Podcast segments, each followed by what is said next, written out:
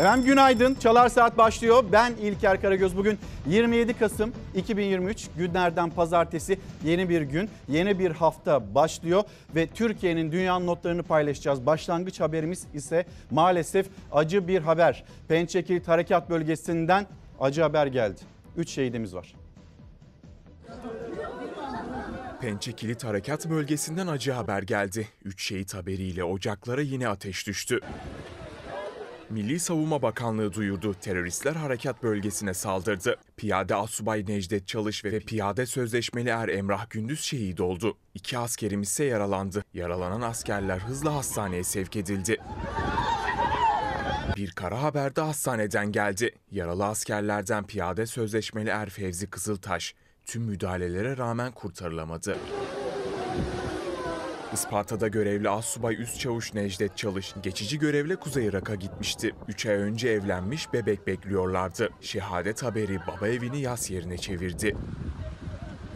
Şehitlerin kanını yerde bırakmamak için silah arkadaşları bölgede geniş çaplı operasyon başlattı.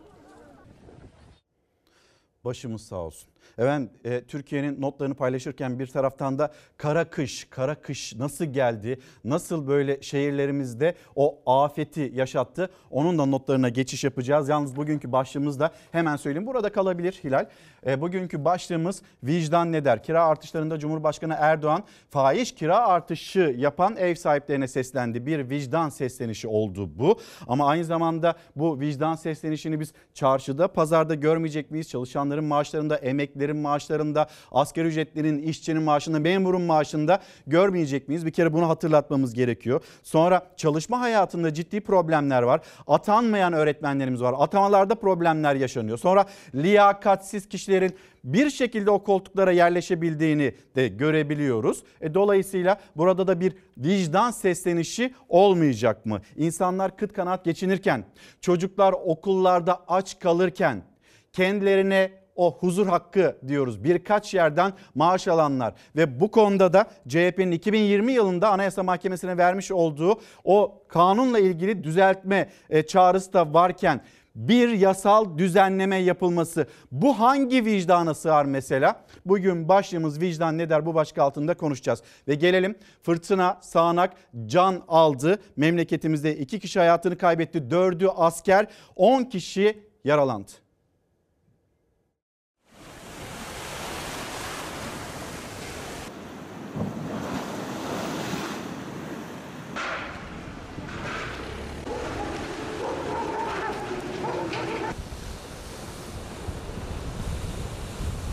Uyarılar peş peşe geldi. 60'tan fazla il fırtına ve sele teslim oldu. Kırşehir'de etkili olan rüzgar nedeniyle Çiçekdağ ilçesi ve il merkezinde cami minareleri devrildi. Gitti gitti.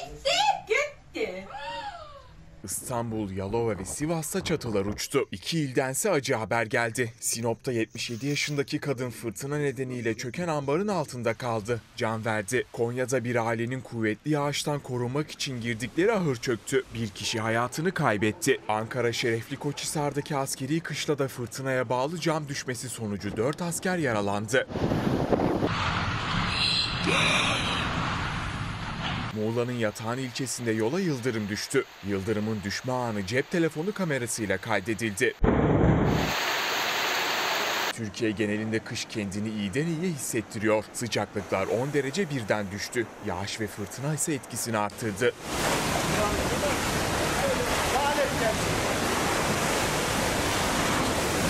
Teknenin son hali. Ellerinden geleni yaptılar ama kurtaramadılar. Antalya'da tekneler battı. Dalgalar sahili aştı. Otobüsler, alt geçitler suyla doldu. Serik'te seralar zarar gördü. Mersin'de ise limon bahçelerini dolu vurdu.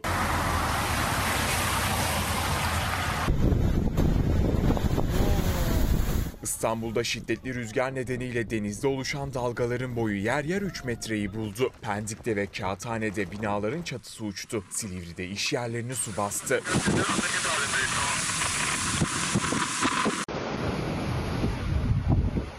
Kocaeli'de deniz taştı. Sahil yolu suyla doldu.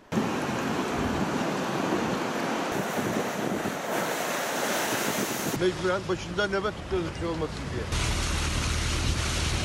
Bursa'da da fırtına ve sağanak nedeniyle Gemlik'te denizle karayolu birleşti. Balıkesir'de ise sahildeki evleri su bastı. Uzun süre elektrikler kesildi. Felaket bir afet. Denizden plaj birleşmiş. Bütün evlere sular girmiş. Ben 26 senedir buradayım. Denizin bu şekil kabardığını ve bu şekil geldiğini hiç görmedim. Şu anki maddi hasarımız 10 milyon liradan fazla. Biz burada yaklaşık 100 aileden fazla kişi burada ekmek yiyor. Görülmemiş fırtınada Yalova'da da Luna Park çöktü. Çoğu alet kullanılamaz hale geldi. Fırtınanın uçurduğu çatı Termal ilçesinde iki kişinin üstüne düştü. Yaralandılar. Zonguldak'ta da uçan çatıyı yine kameralar görüntüledi.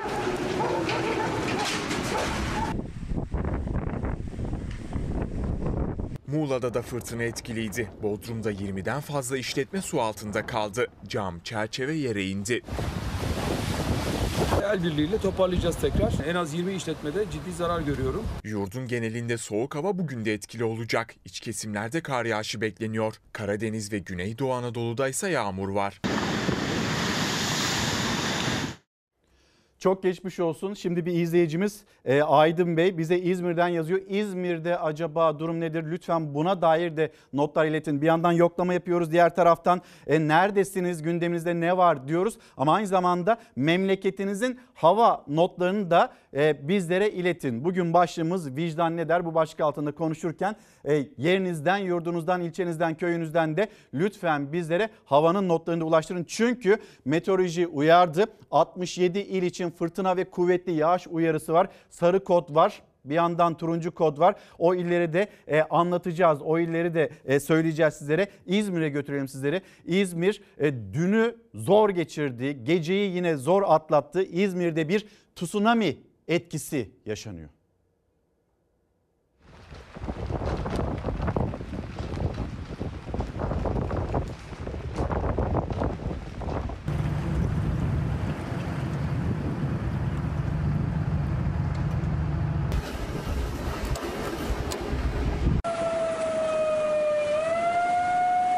Fırtına ve sel İzmir'de yer yerinden oynadı. Tahliye çalışmaları sabaha kadar sürdü.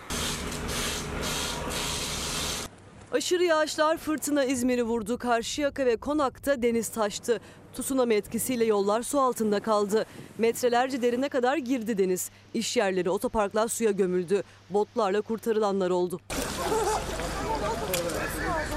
Çek çek abi rezaleti çek.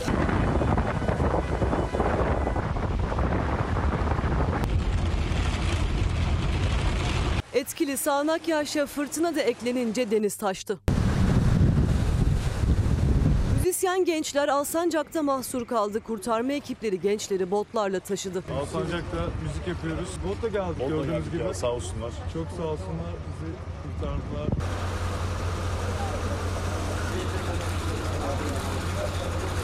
Gün boyu yaşananların etkisini sabaha kadar silmeye çalıştı ekipler. Su baskınlarının yaşandığı binalarda tahliye çalışmaları yapıldı. Deniz taşması nedeniyle kapanan yollar yeniden trafiğe açıldı. Sokağa çıkmak zorunda kalanlar çöp poşetleriyle yürüyebildi. Karşıyaka'da bir sitenin su basan bahçesinde mahalle sakinlerinden biri kanoyla ilerledi.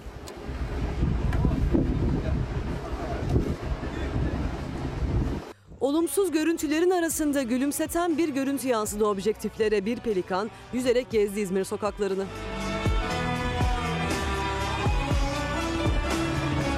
Sadece İzmir'in merkezinde değil ilçelerinden de benzer görüntüler geldi. Çeşme'de caddeler, sokaklar denizle birleşti. Yağmur ve fırtına dindi ama su geri çekilmedi. Havadan da karadan da görüntü aynıydı. Denizle kara birleşti. Geceyi merdivende geçirdik biz. Bütün eşyalarımız gitti yine yeniden. Yapacak bir şey yok. Destek de yok, hiçbir şey yok. Apartmanların bodrum katları suyla doldu. Gün boyu dükkan sahipleri iş yerlerindeki suyu tahliye etmeye çalıştı.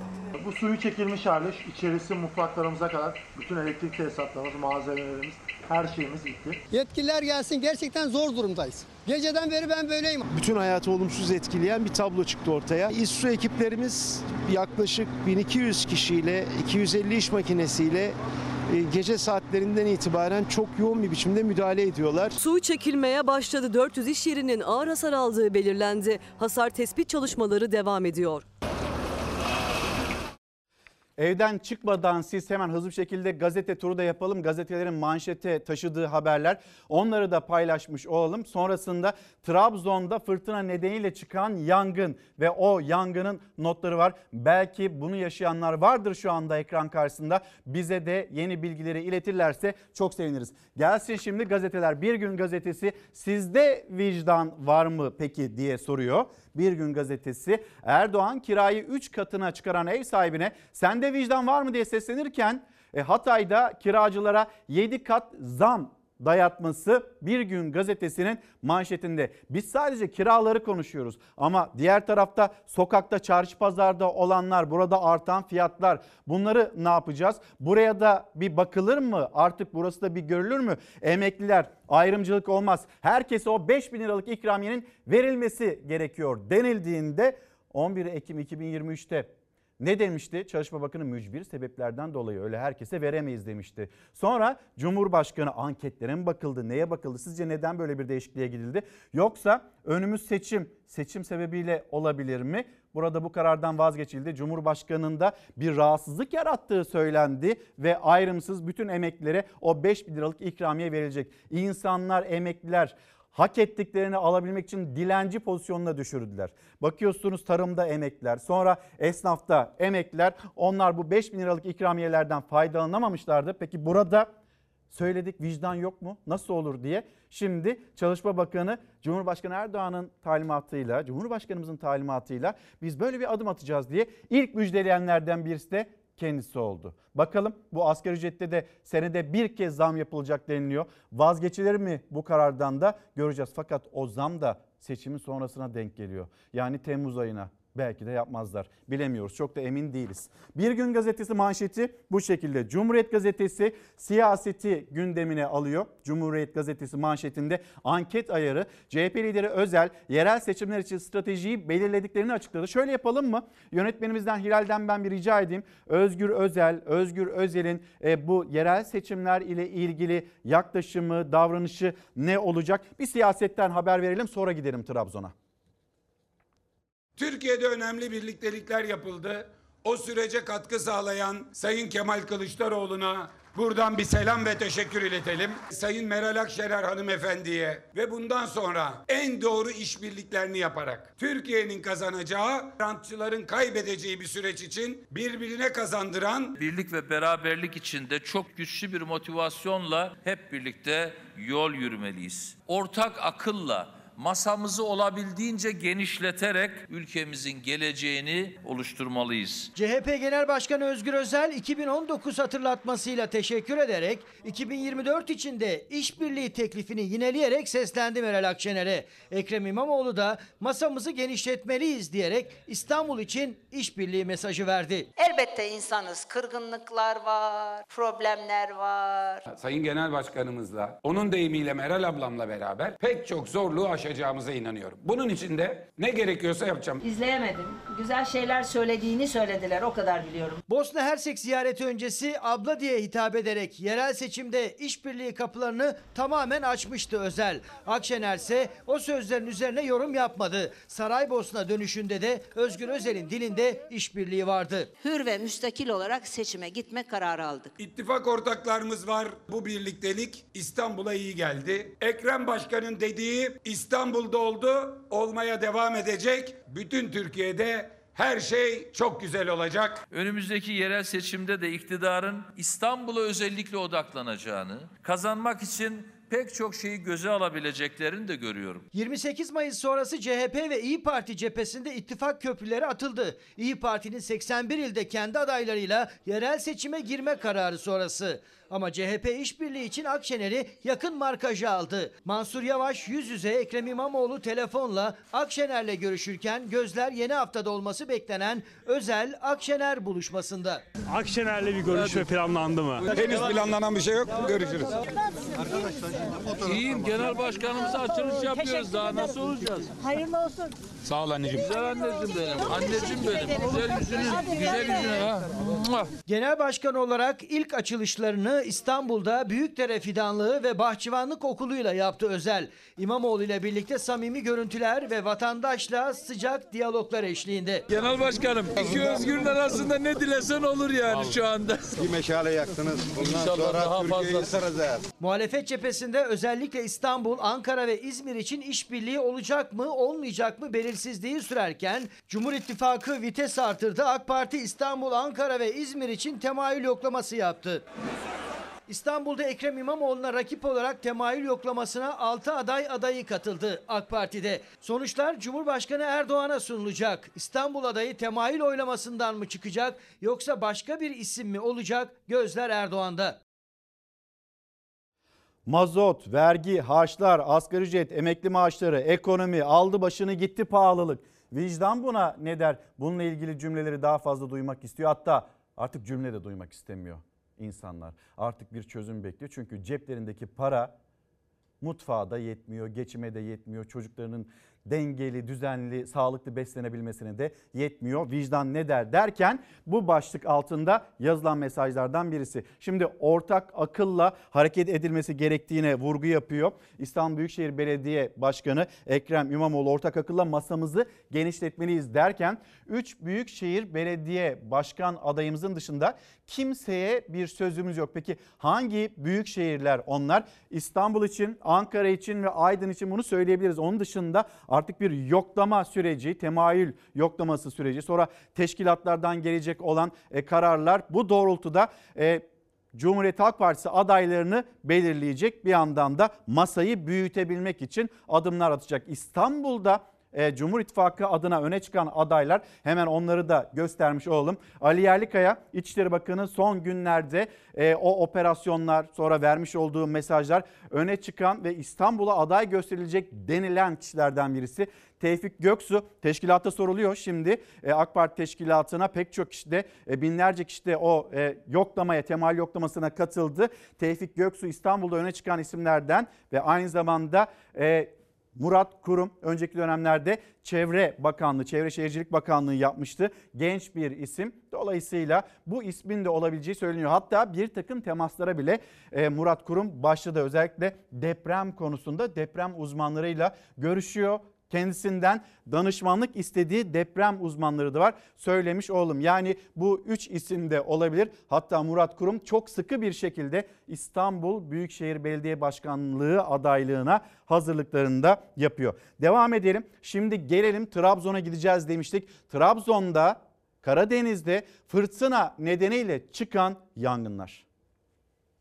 Arıların olduğu bölge inekleri boşaltıyoruz şu an. Yangın daha çok büyüdü. Trabzon ve Sinop'ta şiddetli fırtına yangınlara sebep oldu. Alevler Trabzon'un birçok ilçesini sardı. Tedbir amaçlı olarak 17 tane evin e, tespit ettik. 7 tanesini şu ana kadar boşalttık. Orta Hisar, Maçka, Yomra, Sürmene başta olmak üzere Trabzon'da birçok noktada çıktı yangın. Ormanda çıkan yangınlar rüzgarın etkisiyle yayıldı. Trafoların sebep olduğu yangınlarda da alevler güçlendikçe güçlendi. Rüzgar sürekli yön değiştirerek ekiplerin alevlerle mücadelesini zorlaştırdı. Ekiplerin yangınla savaşı sürüyor. Tedbir amaçlı tahliye edilen vatandaşlar belediye ve valilik tarafından güvenli yerleşkelere gönderildi.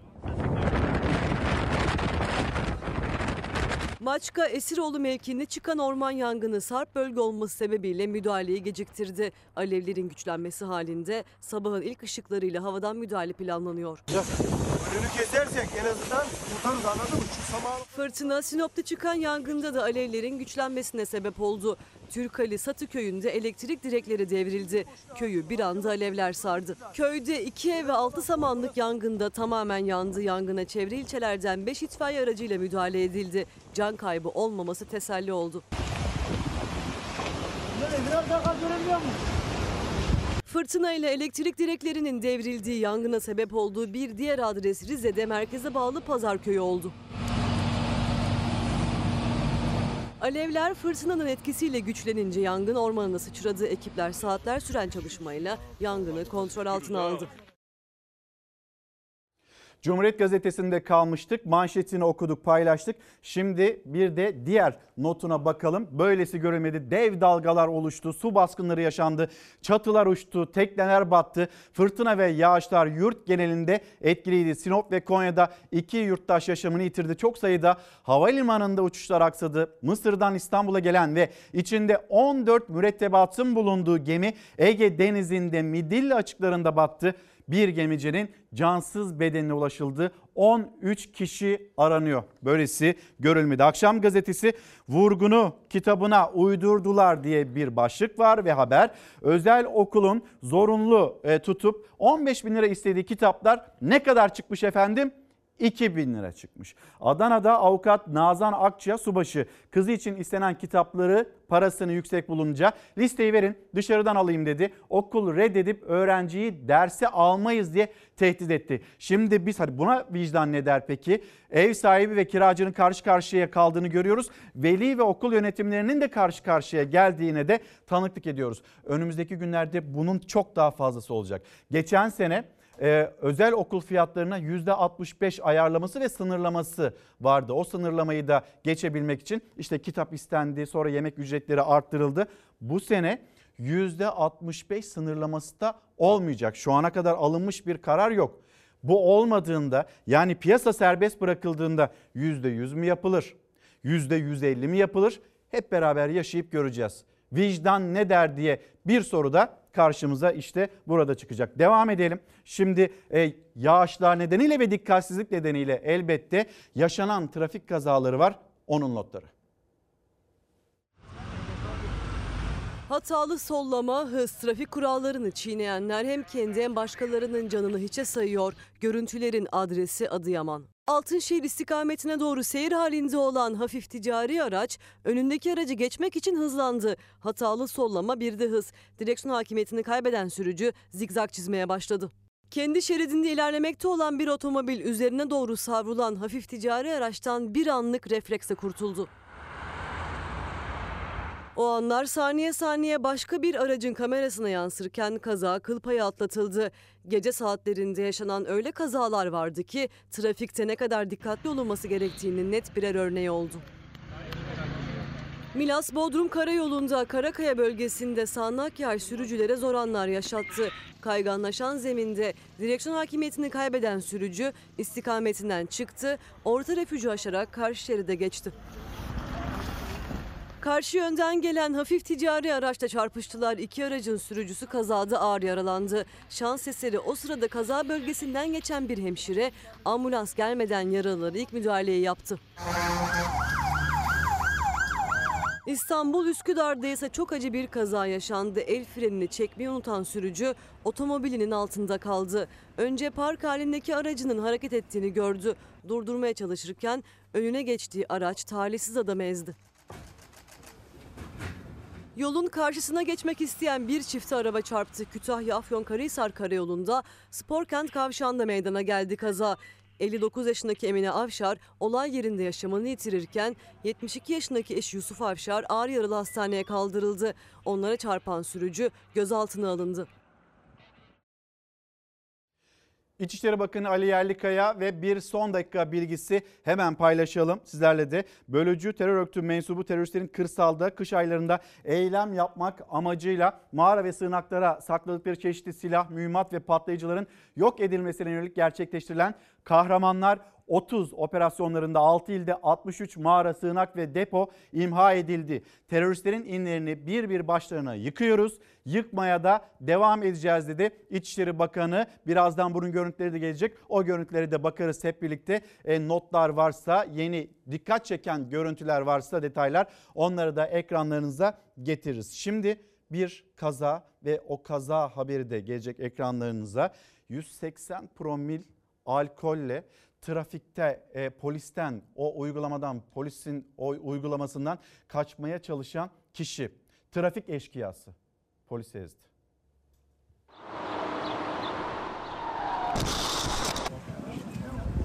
Trafik kazasının ardından yol güvenliğini sağlamaya çalışan polise çarptı, kaçtı. Diğer polisler durdurmak için havaya ateş açtı ama alkollü sürücü izini bir süre kaybettirdi. Ağır yaralanan polisin tedavisi ise sürüyor. Kaza vardı. Kaza bitti. Polis şuradan yolu yavaşlatıyordu. İşte İstanbul Ümraniye'deki ilk kaza anı. İki araç çarpıştı. Biri çocuk, iki kişi yaralandı. Polis Sefa A'da olay yerine gitti. Kazanın ardından trafiğin kontrollü akışını sağlamaya çalışıyordu. Hızla üstüne gelen araca eliyle dur işareti yaptı ama sürücü durmadı. Süratle Sefa A'ya çarptı. Polis şurada bir yolu kesti. Beyaz bir araba geldi polise vurdu. Polis de bayağı yükseldi ve burada bir otokurtarıcı arabası vardı. Ona vurdu. Aynı yerdeki ikinci kazada polis ağır yaralandı. Hemen hastaneye kaldırıldı. Sürücü Erdem Öztürk ise kaçtı. Aracı bir sokakta terk edilmiş halde bulundu. Güvenlik kameraları izlendi. Trafik eşkıyası yakalandı. Adliyeye sevk edildi. 180 promil alkollü olduğu belirlendi. Tutuklanarak cezaevine gönderildi. Durumun ağır olduğunu düşünüyorum. Kafamı çevirdim bakamadım yani.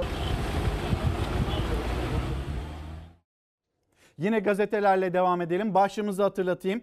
Vicdan ne der? Bu konu Cumhurbaşkanı Erdoğan'ın e, gündemine şöyle geldi. Bir kiracı fahiş ev e, kirası artışından da itiraz ettiği şikayetçi oldu. Cumhurbaşkanı Erdoğan da ev sahiplerine seslendi. Vicdan ne der? Böyle şey olur mu? 2500 liradan 7500 liraya acaba o ev kiraları nasıl yükseltiliyor? Daha önce ümitlerini sıkacağız demişti ama kimse buna aldırış etmedi. Yasal bir durum var. %25'ten daha fazla zam yapamazsınız diye o %25 sınırlamasını zaten mevcutta yine hükümetin kendisi bambaşka bir yere evrildi. Ne oldu? Arabuluculuk sistemi getirildi. %25 bir sınırlama varken gelin biz sizin elinizde %50'de bir tokalaştırıverelim ya da neyse nerede anlaşılabiliyorsa zaten kendi kendilerine koymuş oldukları bir düzenleme yasal düzenleme vardı ve kendi kendilerine de bunu mevzuattan çıkarttılar. Şimdi de deniliyor ki söylendi defalarca haberini yaptık insanlar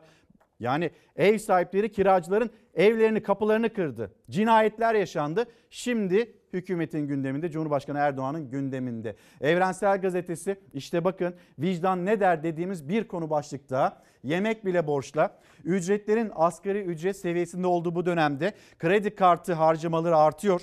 Emekçiler gıda gibi zorunlu ihtiyaçlarını bile borçla karşılarken yoksulluk sınırının üzerinde ücret yakıcı bir talep olmazsa olmaz insanlar için, çalışanlar için. E ne diyor Çalışma Bakanı bu ülkede yoksulluk, aşırı yoksulluk yok. İnsanlar güzel, rahat bir şekilde geçiniyor diyor. Kimlerin rahat geçindiğinin haberini az sonra göreceksiniz, duyacaksınız. Bir torba yasa, o torba yasanın içinde huzur hakkına yasal güvence getirme çabası kimlerde varmış az sonra izleyeceksiniz. Hürriyet gazetesi manşeti hemen gelsin ve burada manşette de Arda parayı bu pastanede verdi deniliyor. Denizbank Şube Müdürü Seçil Erzan'ın kurduğu sistemde en fazla parası batan isim Arda Turan. Ünlü futbolcunun milyonlarca doları Seçil Erzan'a teslim ediş şekli de işlerin nasıl kayıt dışı döndüğünü gösteriyor.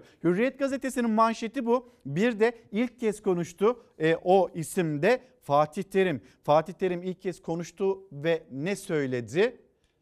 Tarihin en büyük hukuk savaşını başlatıyorum. Hazır olsunlar. Kime söyledi? İzleyelim.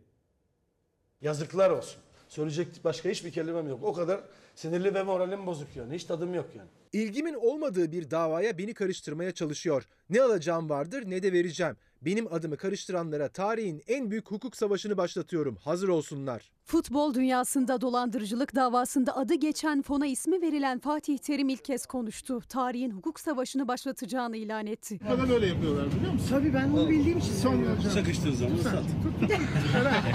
İfadesi alınmasına rağmen iddianamede yer almayan ne şikayetçi ne de tanık olan Fatih Terim'in adını hem damadı hem de iddiaların odağındaki banka müdürü Seçil Erzan vermişti. Futbolcular zor duruma düşünce bankaya gidip ödemelerin yapılması için ricacı olduğu iddia edilen Fatih Terim ise Erzan'a hiç para vermediğini ileri sürerek fonla ilgisinin olmadığını söyledi. 2020 yılında Galatasaray camiasında saygın biri 300 bin dolar para vermişti. Elden teslim etti. O parayı değerlendiriyordum. Bana verdiği paradan çok çok fazla istemeye başlayınca hayır diyemedim. İstediği zaman 50-100 bin gibi ona geri gönderiyordum. Kimdi o isim? Fatih Terim. What can I do?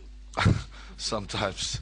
Bu fonla alakalı Seçil Erzan'a hiç para vermedim bahsedilen fon ile yakından uzaktan ilgim yok. Olayı duyunca paramı eşimin hesabına aktardım. 219.300 dolar ve 47.400 liranın eşimin hesabına geldiğini tespit ettim. Fakat 3 milyon dolar halen gönderilmedi. Bir para harcıyoruz, bir para var. Bu para bizim için çok kıymetli. Arda Turansa tüm varlığını bu fona yatıran isim dolandırıcılık davasının ardından ilk kez görüntülendi. Gazetecilerin soruları karşısında net bir cevap vermedi ama sözleri dikkat çekti. Açıklama doğru mu? Servetini o. Ben e, herhangi herhangi herhangi bir yere yani onlar ifadelerle alakalı herhangi bir şekilde hiçbir yerde bir şey konuşmuyorum ben Aslan kardeşim. Sen beni tanırsın. Konuşursam zaten her şeyle ilgili hayırlısı. Seçil ben 2 ayda 1 milyon doları zor aldım. Bütün huzurum kaçıyor. Tüm sözlerimi yerine getireceğim. Bak kızım kalp krizi geçireceğiz. Çoluğumuzun çocuğumuzun rızkı. Bunu neden yaptın? Sadece sporcular değil, Çorlu Belediyesi'nin AK Partili meclis üyesi Nuri Köşkdere'nin de Seçil Erzan'a para verdiği ortaya çıktı. Erzan'ın evinde ele geçirilen belgeye göre parasını faiziyle geri aldı. Ancak parasını katlayarak geri alanlar dışında bir de ana parasını bile geri alamayanlar var. Fona en çok para yatıran ve en mağdur isim Arda Turan. 13,5 milyon dolarının 6 milyon dolarını geri alabildi, 7,5 milyon doları buhar oldu. Selçuk İnan ve Muslera da bir kısmını geri alabilenler arasında. Ancak Emre Çolak ve Mert Çetin geri alamadı Erzan'dan paralarını. Elden ve üçüncü kişi üzerinden para verilmesi ortalama zekaya sahip herhangi bir kişiden beklenmeyecek bir davranıştır. Bu tabii tüm oyuncular için biraz sıkıntı. Belgesiz, kayıtsız yüksek miktarda parayı Seçil Erzan'ın yüksek kar vaadine inanıp verdi futbolcular. 216 yıla kadar hapsi istenen Seçil Erzan paraları ödeyebilmek için tefecilerin kapısını bile çaldığını itiraf etti. Erzan'ın mal varlığı da mercek altında. Memleketi Tekirdağ Çorlu'daki bir banka şubesindeki altınlarına ve 3 taşınmazına el konuldu. Yazıklar olsun. Söyleyecek başka hiçbir kelimem yok. O kadar sinirli ve moralim bozuk yani. Hiç tadım yok yani. Futbol dünyasında kalalım. Ee, Kartal Samsun'da son dakikalarda uçtu. Rıza Çalınbay teknik direktör 2'de 2 yaptı. Galibiyet önemliydi dedi. Maç oynayacağımızı biliyorduk. Çünkü Samsun'la Bama- lige başlarken istediği gibi değildi ama sonraları e, gayet iyi şekilde düzelmiş. Ve ilk, ilk yarı biz istediğimiz hiçbir şeyi tam yapamadık. Ancak ikinci yarı oyuncu değişikliğinden sonra, taktik değişikliğinden sonra ikinci yarı iyi oynamaya başladık. Ama çok güzel bir maç oldu. Gerçekten iyi bir lig maçı oldu. Biz de oyna, galibiyet oynadık. Samsun'da galibiyet oynadı. Biz değerlendirdik pozisyonlarımızı. Galip geldik. Bizim için çok önemliydi bu galibiyet. E, Çünkü bizim bir seri yakalamamız lazım eğer yukarıyı yakalamak istiyorsak. Onun için de galibiyet daha önemliydi. E, Bugün de çok mutluyuz çünkü hemen de deplasmanda uzun süredir galibiyetimiz yoktu. Deplasmanında da galip geldik. Ve Fenerbahçe, Fenerbahçe liderliğini Tadiç ile korudu. Sarı lacivertler Karagümrük'ü sahasında 2-1 geçmeyi başardı. Bir İsmail Kartal'ı dinleyelim. Hızlı bir şekilde reklamlara gidelim ve dönelim. Dünyanın notlarıyla döneceğiz. Memleketin notlarıyla döneceğiz. Karagümrük takımının e, son haftalarda iyi bir çıkışta olduğunu biliyorduk. Bunu takip ettik. E, Bizim de şu an Türkiye Süper Ligi'nde en fazla milli takımlara oyuncu veren takım Fenerbahçe. 13 tane milli takımlara oyuncu veriyoruz. Bu kolay bir şey değil. 4 günde bir bu oyuncularımın maç oynaması en fazla yoğunluk benim takımdaki oyuncularıma burada yük biniyor. Maç dağılımına baktığınız zaman. Bir de işin öbür tarafı var. Ee, sakat oyuncularımız var. Ben bugüne kadar tabii ki hiçbir zaman sakat oyunculara, eksik oyunculara sığınmadım. Ama gerçekte bu ki bugün sahaya çıkan oyuncularımızla beraber bu maçın ne kadar zor geçeceğini milli aradan sonra biliyorduk, farkındaydık. Ben bugüne kadar hiç sakatlara ona buna sığınmış bir insan değilim. Ama elimizdeki realite bu. Bu çocuklarla da çıktık. Bugün aslan gibi oynadık. 3 puanı aldık. Efendim bir kez daha günaydın. Önce memleket diyeceğiz. Memleketin hava durumu sonrasında dünyada olup bitenlere bakacağız. Zafer Söken'le birlikte İzmir, Antalya, Edirne. Yeni Bakış Gazetesi İzmir. İzmir'i yağış vurdu, yaşam durdu. Yeni Bakış Gazetesi'nin manşeti. Antalya'ya gittiğimizde Körfez Gazetesi manşeti sağanak vurdu. Ve sonra Edirne. Edirne Hudut Gazetesi kuzeyde bereket, güneyde afet manşetiyle bugün okurlarının karşısında. Ve şimdi meteorolojiden önemli bir uyarı var. 67 il için fırtına, kuvvetli yağış ve kar nedeniyle bir uyarı. Hem sarı kodlu hem de turuncu kodlu.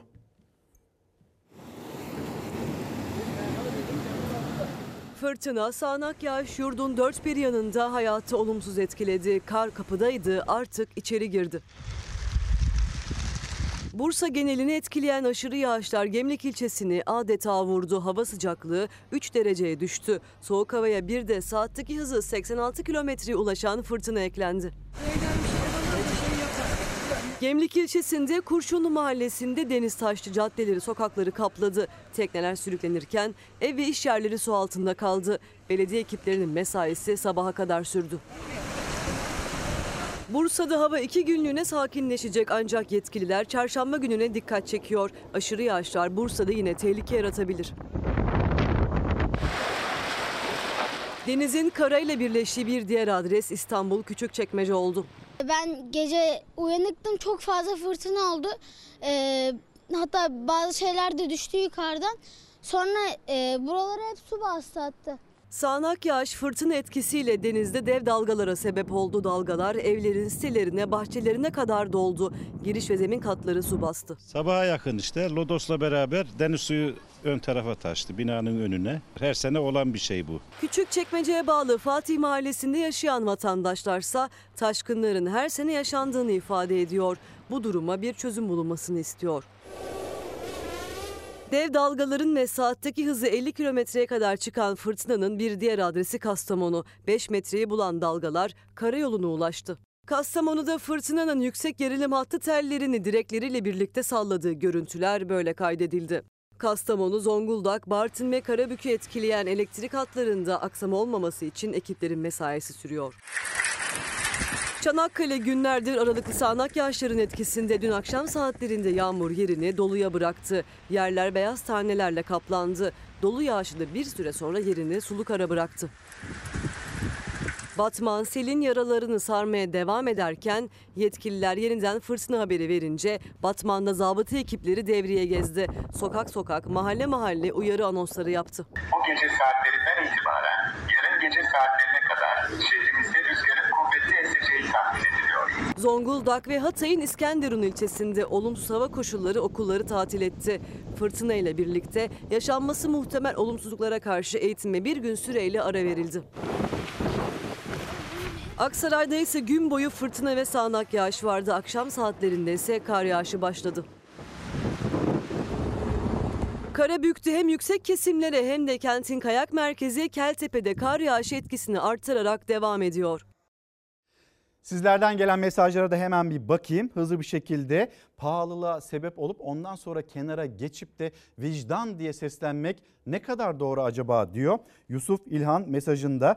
Ee, sonra bir izleyicimiz yeni bir hafta hayırlı, huzurlu, bereketli, sağlıklı olsun, iyi yayınlar demiş. Hepimiz için böyle bir hafta olsun. Sonra Ahmet Demir yine X'ten gelen mesajı okuyorum. Diyarbakır'dan günaydın burası da bugün yağışlı havada kapalı demiş. Diyarbakır'dan bir haberimiz var az sonra ekranlarınıza gelecek ve kavuşma dedik. İsrail ile Hamas rehineleri birer birer karşılıklı olarak serbest bırakıyorlar. Hamas ve İsrail arasında çıkan ateşkes krizi aşıldı. Rehine takasının 3. gününde takasın 3 ayağı da tamamlandı. Hamas serbest bıraktığı rehinelerin Kızılaç'a teslim edildiği anları paylaştı.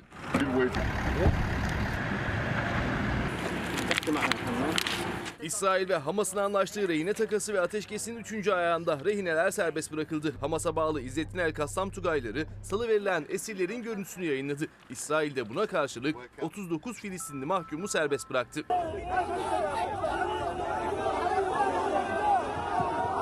Dün de ikinci grup rehine takası vardı. Hamas'ın bıraktığı rehineler Refah sınır kapısından Mısır'a daha sonra İsrail'e götürüldü. Serbest kalanlar arasında öldüğü sanılan 9 yaşındaki Emily Hent de vardı. Küçük kız 50 gün sonra babasına kavuştu.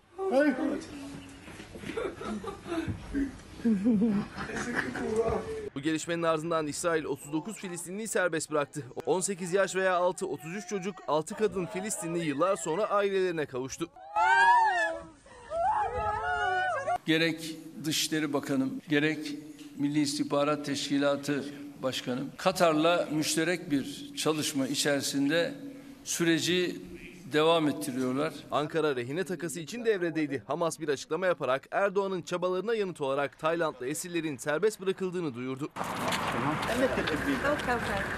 İnsani krizin yaşandığı Gazze'ye şu ana kadar yaklaşık 200 yardım tırı ulaştı. Gazze'liler gıda ve ilaç bulabilmek için çarşılara akın etti. Akaryakıt istasyonlarında uzun kuyruklar oluştu. İsrail Başbakanı Netanyahu, Amerika Başkanı Biden'la görüşmesinde her 10 rehineye karşılık ateşkesin bir gün uzatılmasını memnuniyetle karşılarız dedi. Ancak ateşkesin sonunda İsrail'in tüm gücüyle Gazze'ye saldırılarına devam edeceğini söyledi. Gazze'den yeni notlar, yeni görüntüler var. Çalar Saat Bülten sorumlusu Zafer Söken yanımızda. Zafer. Günaydın. Ateşkeste 3 gün geride kaldı. Bugün saat 8 itibariyle artık 4. güne girdik. Haberimize de vardı Netanyahu Hamas eğer 10 rehine daha bırakırsa ateşkesi 24 saat daha uzatmayı kabul ederiz dedi. Hamas'tan da benzer bir açıklama geldi. Son dakika açıklaması bu. Daha fazla esirin serbest bırakılması için insani arayı uzatmaya çalışıyoruz dedi. Yani o ateşkes 4 gün ilan edilmişti. Eğer Hamas 10 rehine daha bırakırsa 5. güne uzayacak. Tabii daha da uzayabilir aslında. Ama İsrail Başbakanı'nın yaptığı bir açıklama vardı. Bu ateşkes bittikten sonra biz tüm gücümüzle Gazze'ye saldırmaya devam edeceğiz diye e, görünen o ki bu ateşkes henüz kalıcı olmaktan biraz uzak görünüyor en azından. Peki Gazze'de silahlar susunca, savaş uçaklarının sesi duymayınca hayat nasıl oluyor? Onun görüntüleri var. İki anne ve iki çocuğu onları nasıl güldürmeye çalıştıklarına ait e, görüntüler geldi. Ve enkazın içinde. Aslında bir Gazze enkaza dönmüş durumda. Her yer beton yığınları işte görüyoruz. Ev demeye arkadaki e, görüntülere mümkün değil. mümkün değil ev demek. İşte ama iki anne iki evladını e, güldürmeye çalışıyor karşılıklı oynatarak. Gazze'de hayat silahlar sussa da bu şekilde çok zor bir şekilde devam ediyor Gazze'de. Ama ateşkes aslında en çok çocukları mutlu ediyor. Bir çocuk Aşraf adı Eşref diyebiliriz.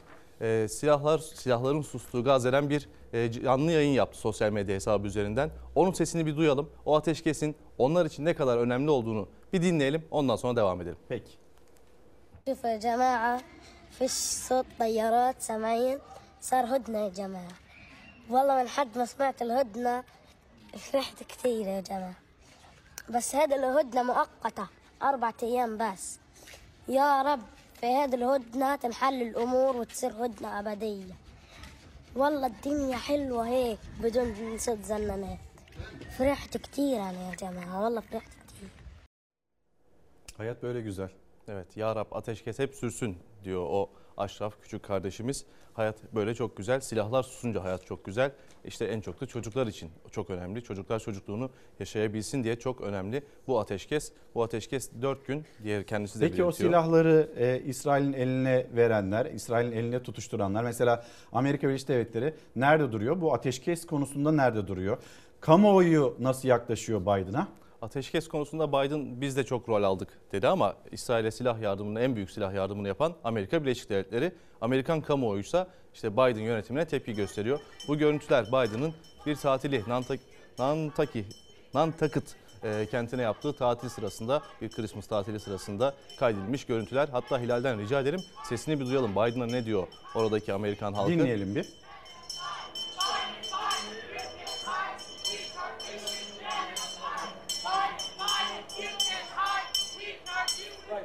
Biden orada e, etrafında kendisini çevirenlerle tokalaşmaya devam ederken saklanamazsın seni soykırımla suçluyoruz diye de protesto sesleri yükseliyor. E, Biden hatta şaşırıyor. Önce ne oluyor anlamıyor. Ardından tabii yüzü de düşüyor. Yüzü asılıyor o tepkiyi duyunca. Seni soykırımla suçluyoruz diyen de yine kendi halkı, Amerikan halkı. Amerikan halkının e, Amerikan yönetiminin İsrail'e verdiği desteğe karşı çıktığını daha önce kamuoyu araştırmaları da ortaya koymuştu. Yani çoğunluk Amerikan halkının bu İsrail'e desteğe karşı çıkıyor. Çok net bir şekilde ve Biden'ın bu şekilde böyle yüzüne yüzüne de e, seni soykırımla suçluyoruz diye haykırıyorlar. Amerika Birleşik Devletleri'nde bir savaş daha var ne yazık ki dünyada. O da Rusya-Ukrayna savaşı. Hafta sonunda e, Kiev Belediye Başkanı'nın bir açıklaması vardı. Rusya yaklaşık 2 yıl olacak Şubat ayında. Şubat yani 2 yıldan beri düzenlediği en büyük kamikaze İHA saldırısını düzenledi Kiev'e diye. 75 İran yapımı hatta bu İHA'larda İran yapımıymış. 75 İran yapımı İHA ile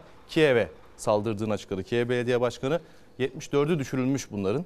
Ee, bir tanesi bir sivillerin yaşadığı alana düşmüş. Neyse ki can kaybı yok ama e, biri 11 yaşında 5 kişi yaralanmış Rusya'nın Kiev'e yönelik saldırısında. Şimdi Ukrayna'nın en büyük endişesi kış yaklaşırken Ukrayna altyapısının hedef alınması. Bu arada e, Rus işgalinden kurtarılan bölgelerde de Ukrayna askerleri mühimmat temizliğine başladı. Burada da savaş devam ediyor ve kış aylarının yaklaşmasıyla Ukraynalılar en çok da altyapı tesislerinin e, zarar görmesinden korkuyorlar. Buradan İtalya'ya geçelim istersen. İtalya'da da Etna Yanardağ, İtalya'nın aktif yanardağ, Avrupa'nın da en yüksek e, yanardağlarından biri. Hafta sonu gece saatlerinde Etna Yanardağ yeniden lav püskürtmeye devam etti. İşte o anlar hem de kar yağmış, karların arasında e, lavların püskürmesi de bu şekilde orada bulunan işte kameralara böyle yansıdı. Kanada'dan da ilginç bir kovalama görüntüsü geldi. Bir traktör aslında olmaması gereken bir yolda, otoyolda bir traktör görünce polis ekipleri o traktörü durdurmak istiyor. Çünkü traktörün otoyolda işi yok diye ancak o kovalama iyi bitmiyor sonu. 3 polis aracı o traktörün peşinden koşarken en sonunda şimdi görüntüler gelecek. iki farklı açıdan görüntüleri var hatta. O traktör kaza yapacak şimdi az sonra e, birkaç saniye sonra yaşanan görüntülerde. Durdurmaya polis de- çalışıyor. Orada Kanada polisi. Tabii o da traktörle kaçmaya çalışıyor aslında. Ancak traktörle tabii traktörün yapabileceği hız belli. E, belli bir yerden sonra devriliyor. Sanki tekerleğe polis tarafından müdahale de var. Evet bir sıkıştırma söz konusu. O da herhalde oradan kurtarmak isterken traktör e, yan yatıyor ve sürücü yaralı bir şekilde kurtarılıyor. Ardından tabii gözaltına alınıyor. İstersen Şimdi- bir haberimiz var. E, Aden Körfezi'nde bir İsrail bağlantılı geminin e, alıkonulduğuna dair 15 saat boyunca o gemi alıkonuldu ve kaptanı ve dördüncü kaptanı Türktü. Dışişleri Bakanlığı da hatta harekete geçti. Onunla ilgili haberimiz hazır. Bir onu izleyelim ondan sonra devam edelim. Peki.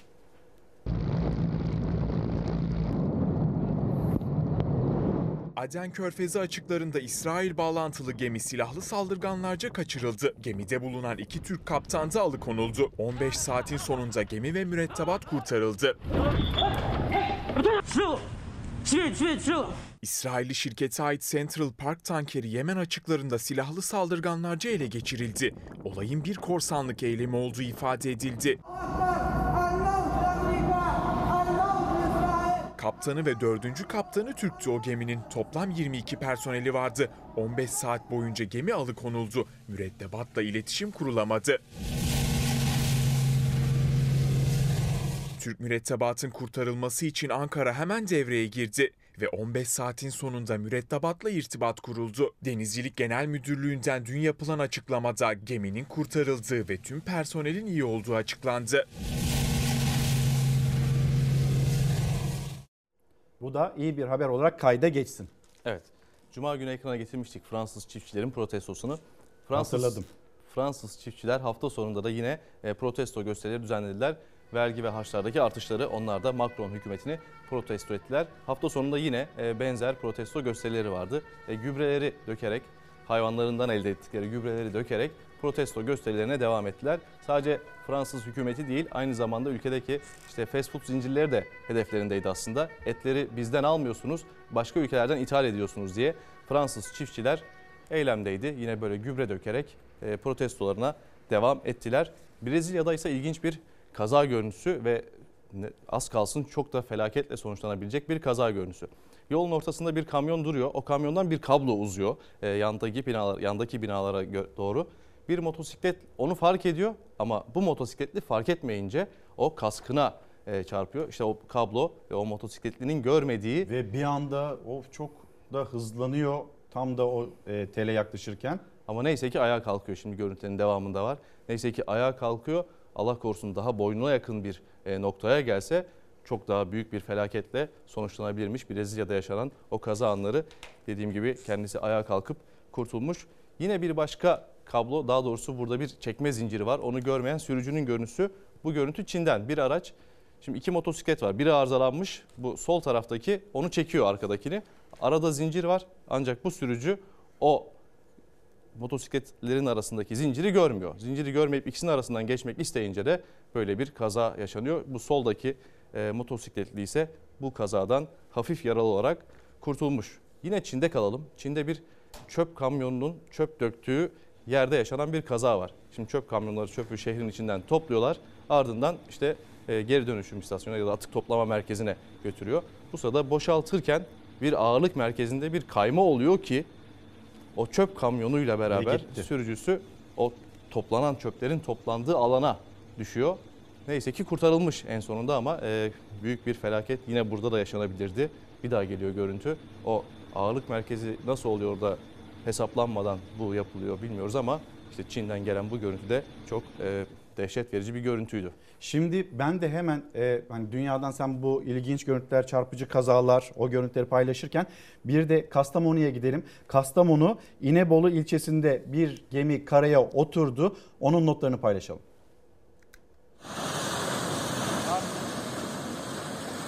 Fırtına ve yağmur Karadeniz genelinde etkili oldu.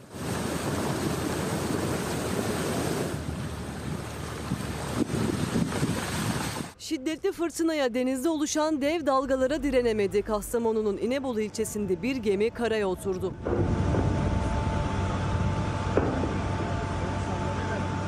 Kamboçya bayraklı Vamos adlı kuru yük gemisi fırtınanın etkisiyle sürüklenmeye başladı. Fırtınaya daha fazla direnemeyen gemi İnebolu sahilinde karaya oturdu.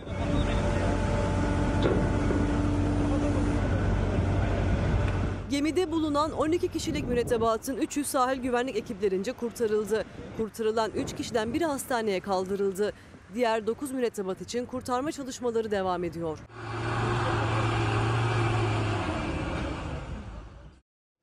Kastamonu'dan Japonya'ya. Japonya'ya geçeceğiz. Cuma günü Çin'de bir zatüre salgını haberi vermiştim. Canınızı sıkmak istemem ama diye onu da belirtmiştim. Japonya'da ise yine belki biraz canımızı sıkacak bir gelişme. Japonya'nın Saga eyaletinde kuş gribi alarmı verildi. 40 bin işte kanatlı hayvanın da itlafına karar verildi. Ancak geçen yıl da vardı Japonya'da bu kuş gribi alarmı. Geçen yıl 17 milyon kümes hayvanı itlaf edilmişti hatta. Orada e, tabii yumurta fiyatları da uçmuştu. Şu an için başka bir e, ülkeye yayıldığına dair bir bilgi yok. Japonya'daki bu kuş gribi salgınının ancak Japonya'da böyle bir kuş gribi alarmı var. Saga eyaletinde 40 bin kümes hayvanının da şu an için itlafına karar verilmiş. İnşallah diğer ülkelere sıçramaz. Hatta tüm dünyaya sıçramaz inşallah. Çünkü daha önce uzun yıllarda oldu gerçi Türkiye'de de benzer bir kuş gribi vakası görülmüştü.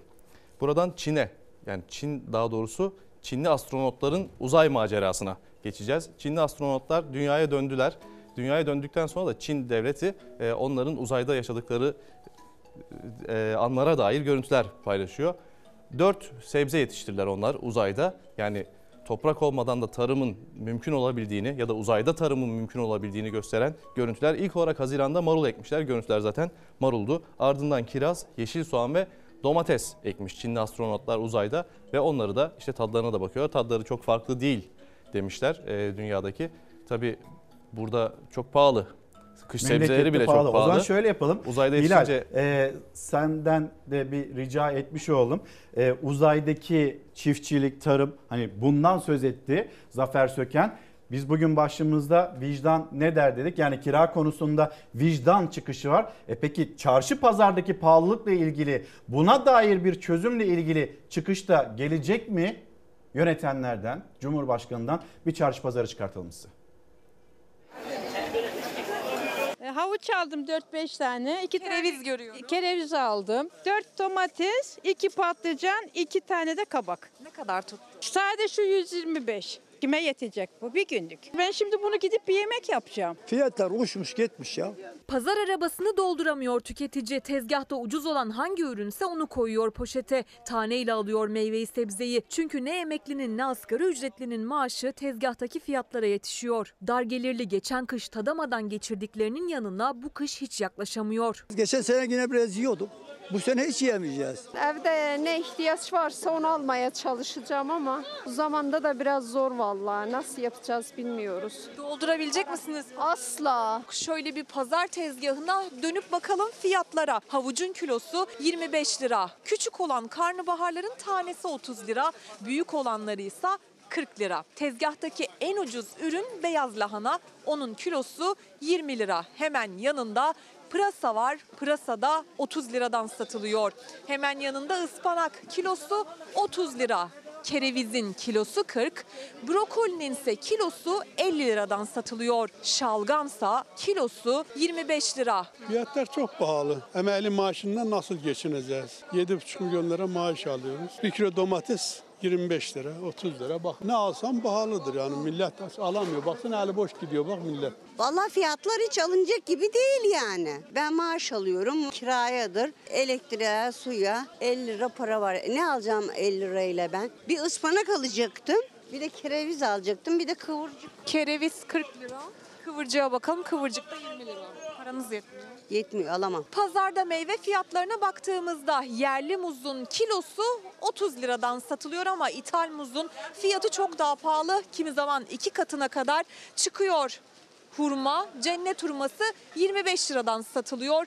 Portakalın, narın, mandalinanın ve elmanın kilosuysa yine 20 lira. Pazar tezgahlarındaki en ucuz ürün artık 20 lira. Meyve sebzeden geçtik daha çocuklara mu- muz alamıyoruz. Muz muz. Domates biber alabiliyorsun. onu Alamıyoruz, alamıyorsun. alamıyoruz. Hiçbir sen şey muz, muz alamıyoruz. lüks oldu artık bize ya. Lüks, muz, lüks, lüks. Zeytinburnu sen pazarı burası ya. Burada bile bir şey alamıyoruz ya. Kestanenin kilosu geçen seneden bu seneye 50 lira daha zamlandı. Tezgaha baktığımızda en ucuz kestanenin kilosu 120 lira, 160 liraya, 200 liraya da kestane var ve tezgahtaki en pahalı kestanenin kilosu 240 lira. Alım gücü düştü. Alınamayanların listesi uzadı. Vallahi yanına yaklaşamıyoruz ki.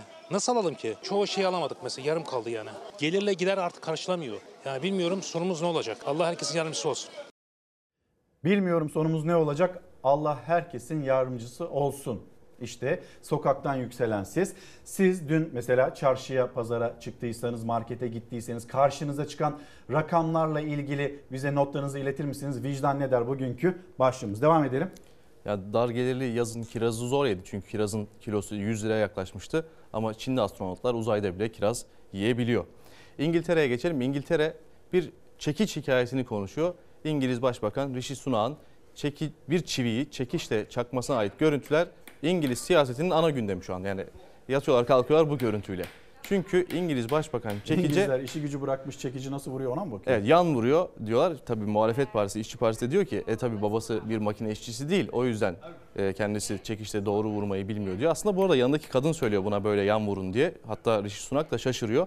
İngiltere şu an bu görüntüyü konuşuyor. Çünkü daha önce Çalar Saat'te anlatmıştık. Rishi Sunak İngiltere'nin en zengin isimlerinden biri.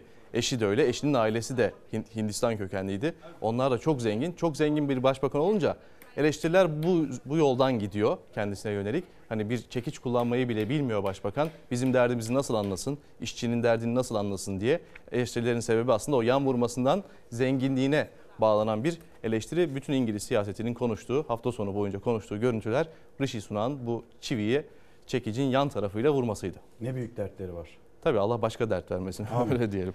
Devam edelim. Brezilya'da ise bir kurtarma görüntüsü. 8 günlük bir bebek. 8 günlük bir bebek boğulma tehlikesi yaşayınca e, ailesi ne yapacağını bilemiyorlar. Tabii elleri ayakları titremiş. Panik halinde hemen kendilerine yakın e, yerde bulunan bir askeri üsse gidiyorlar ve askerlerden yardım istiyorlar. İşte o, orada bir asker o çocuğu tekrar hayata döndürüyor. Boğazına kaçan e, şeyi çıkarıp tekrar hayata döndürüp nefes almasını sağlıyor ve o aileye yeniden aslında bir çocukları yeniden doğmuş gibi oluyor. 8 günlük bebeği Brezilya'daki asker bu şekilde kurtarıyor ve aile en azından rahat bir nefes alarak e, evlerine dönüyorlar. Bu da bir kurtarma görüntüsüydü Brezilya'da.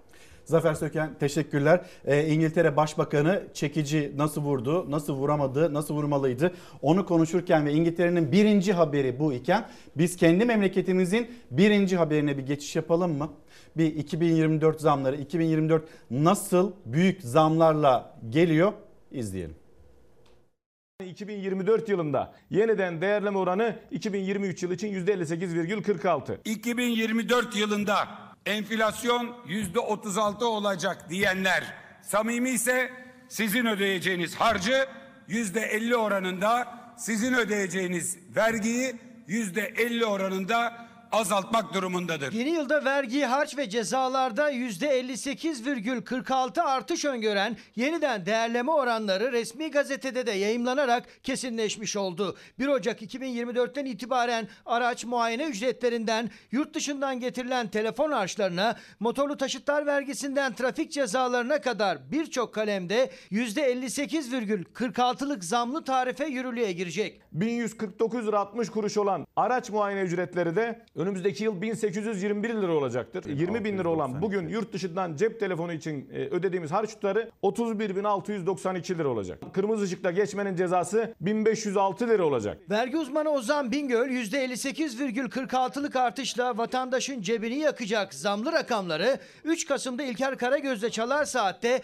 kalem kalem açıklamıştı. Zam yağmuruna pasaport harçları da dahil. Bugün 4943 lira olan 3 yıl ve üzeri pasaport harçları 7833 liraya çıkıyor. Ve yine milyonlarca çalışanı ilgilendiren gelir vergisi dilimleri. Bugün 70 bin lira olan tarife dilimi 1 Ocak 2024'te 110 bin lira olacaktı. Oysa her yıl yeniden değerleme oranıyla kuruşu kuruşuna arttırılsaydı 288.571 lira olacak. Telefon harcını belirlerken, damga vergisini belirlerken kuruşu kuruşuna belirliyoruz. Ama konu milyonlarca çalışanın gelir vergisi dilimi olduğunda yaklaşık 170-180 bin lirasını aslında bir nevi yok ediyoruz. Gelir vergisi dilimlerinde olduğu gibi motorlu taşıtlar vergisinde de Cumhurbaşkanı Erdoğan'ın oranları düşürme veya artırma yetkisi olduğuna dikkat çekti Ozan Bingöl.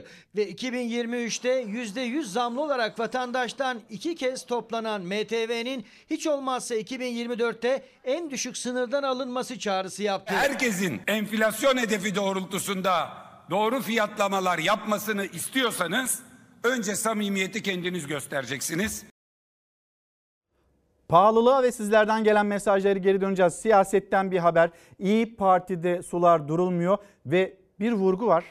Ee, İyi Parti Genel Başkanı Meral Akşener tarafından edep, ahlak ve haya üzerinden izleyelim. Edep, haya, ahlak duygusu siyasette çok önemlidir.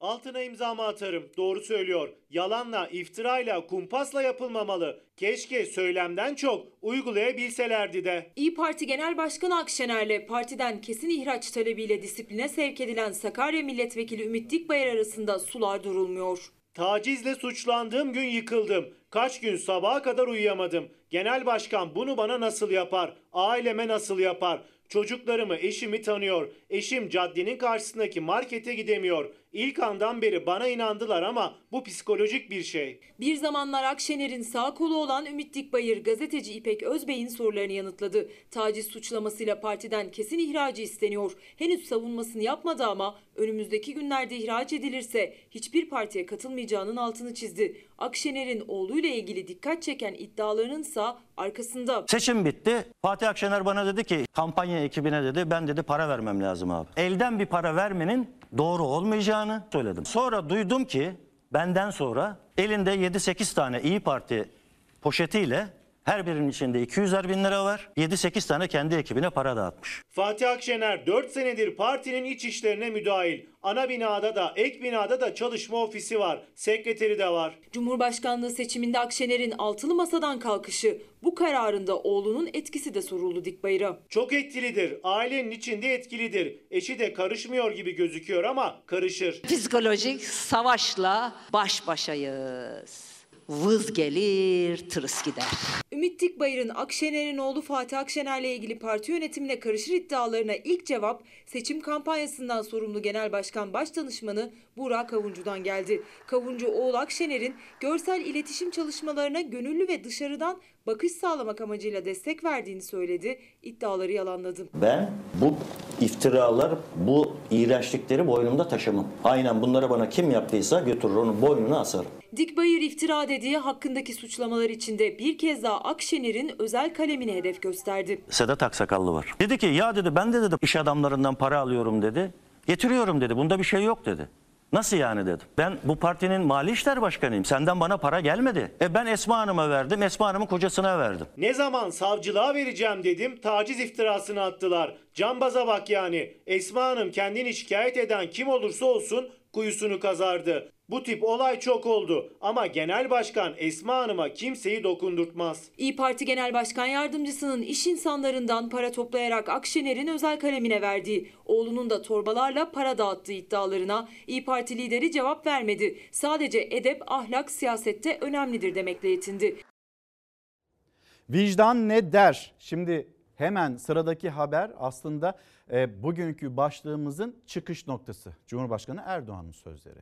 Az sonra izleyeceksiniz. Ama Navi Bey de şuna dikkat çekiyor. Araç muayene istasyonlarından alınan ücretler neden bu kadar çok?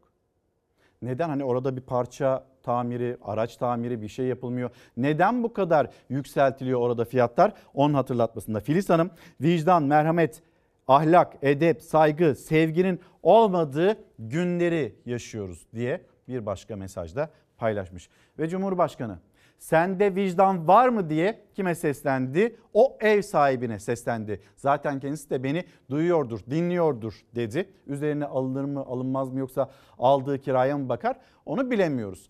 Ve muhalefetin de yanıtı yanlış ekonomi politikaları sebep barınma sorunu, barınma krizi sonuç. Cumhurbaşkanı kira artışlarına şaşırmış ve kızmış. İnsaf 2500'den 7500'e evin kirasını çıkarmak. O ev sahibine herhalde o da şimdi dinliyordur beni. Sende vicdan var mı diye sormak durumundayım. Cumhurbaşkanı Erdoğan kiracısına %200 artış yapan ev sahibi örneğini duydu, kızdı. Senin vicdanın var mı tepkisiyle çözülemeyen ev sahibi kiracı anlaşmazlıklarına vicdan kriterini de ekledi. 6 ay önce ise daha farklı konuşuyordu. Hiçbir sebebi olmadığı halde sırf aç gözlülükten fahiş kira artışı yapanlarla tekrar göreve devamda bunların ümüğünü sıkacağız ümüğünü. Ümük sıkma modundan vicdan moduna seviye düşürmüş oldu. Kiracının sorununu çözmek için ilgili ilçe başkanını aradığını söyledi. Bu bir mizansendi. Bu çağda 7500 liraya kiralık ev bulunamayacağının farkında bile değil. Şaşırdığı şey kendi çıkarttıkları kavgaları olur dediğimiz maalesef kavgaların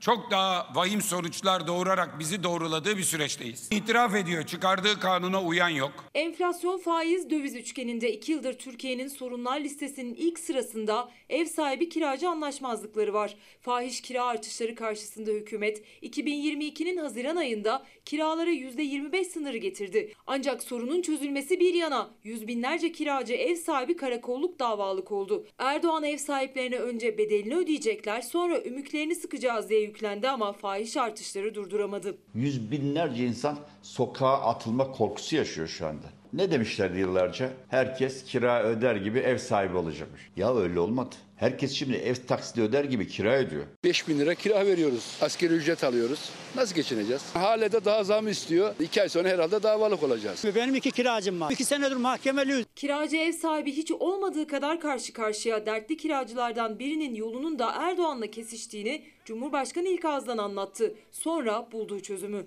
İnsaf 2500'den 7500'e evin kirasını çıkarmak. Mecburen o ilçedeki belediye başkanımızı aradım. Ondan ricada bulundum. Dedim ki ya uygun bir kiralık yer bul veyahut da bizim TOKİ'nin evleri varsa oradan kendisine bir imkan sağla. Şaşırmak ve kızmak için önce sen anayasaya uyman lazım. Piyasayı bozan iktidarın yürüttüğü yanlış ekonomi politikalarıdır. Yanlış ekonomi politikaları sebep barınma krizi sonuç. İyi Parti barınma krizinin nedenleri ve mağduriyetlerinin giderilmesi için bir araştırma komisyonu kurulması önergesini meclise getirdi ama AK Parti ve MHP oylarıyla reddedildi. Sende vicdan var mı? Efendim şimdi hızlı bir şekilde molaya gidelim. Dönüşte de buluşalım. Çünkü dönüşte konuşacağımız konu huzur haklarına yasal güvence arayışı içinde olanlar. Onları konuşacağız. Bir mola buradayız. Günaydınları toplayalım. Sonra bir yoklama yapalım. Çalar Saat devam ediyor. Vicdan ne der başlığı altında konuşuyoruz. Hülya Hanım yazmış. Diyor ki vicdan ne diyecek? Vicdan el insaf der. Bu kadar pahalılıktan sonra söylenebilecek fazla da bir şey kalmıyor. Kızım nedeniyle yaşamış olduğumuz bir kira meselesi var. Kızım Muğla'da öğrenci 3 bin liralık kirası 8 bin liraya aştı. Ne olacak bu öğrenciler nasıl e, okuyacaklar. Biz onlara nasıl ev tutacağız diye bir annenin mesajını da şimdi yeri gelmişken iletmiş olayım.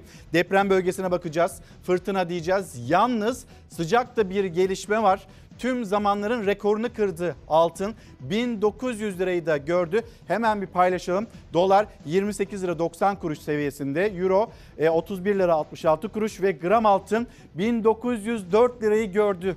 Tüm zamanların rekor seviyesi gram altında. Daha ne kadar gidecek? Daha ne kadar yükselecek? Bu düğünler nasıl yapılacak? Düğünlere nasıl gidilecek? İşte tek çok soru bu altınla birlikte piyasalarda olup bitenle birlikte aklımıza geliyor. Ve diyelim ki şimdi hem deprem bölgesi orada e, su basan çadır kentler. Sonra memleketimiz memleketimizde çadır e, bu çatılar nasıl uçtu? Sonra ağaçlar nasıl devrildi? Nasıl su taşkınları meydana geldi? 67 il için yine fırtına sağanak yağış ve kar uyarısı.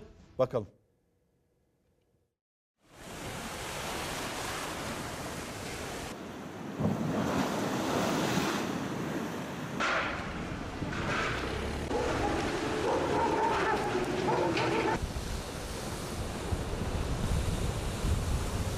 Uyarılar peş peşe geldi. 60'tan fazla il fırtına ve sele teslim oldu. Kırşehir'de etkili olan rüzgar nedeniyle Çiçek Dağı ilçesi ve il merkezinde cami minareleri devrildi. Gitti. Gitti. İstanbul, Yalova ve Sivas'ta çatılar uçtu. İki ildense acı haber geldi. Sinop'ta 77 yaşındaki kadın fırtına nedeniyle çöken ambarın altında kaldı. Can verdi. Konya'da bir ailenin kuvvetli yağıştan korunmak için girdikleri ahır çöktü. Bir kişi hayatını kaybetti. Ankara Şerefli Koçhisar'daki askeri kışlada fırtınaya bağlı cam düşmesi sonucu 4 asker yaralandı. Muğla'nın Yatağan ilçesinde yola yıldırım düştü. Yıldırımın düşme anı cep telefonu kamerasıyla kaydedildi. Türkiye genelinde kış kendini iyiden iyiye hissettiriyor. Sıcaklıklar 10 derece birden düştü. Yağış ve fırtına ise etkisini arttırdı.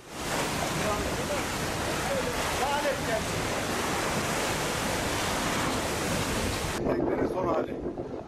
Ellerinden geleni yaptılar ama kurtaramadılar. Antalya'da tekneler battı. Dalgalar sahili aştı. Otobüsler, alt geçitler suyla doldu. Serik'te seralar zarar gördü. Mersin'de ise limon bahçelerini dolu vurdu.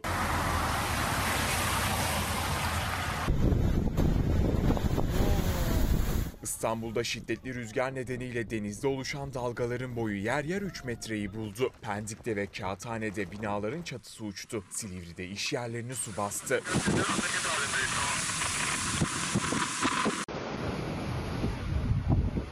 Kocaeli'de deniz taştı. Sahil yolu suyla doldu.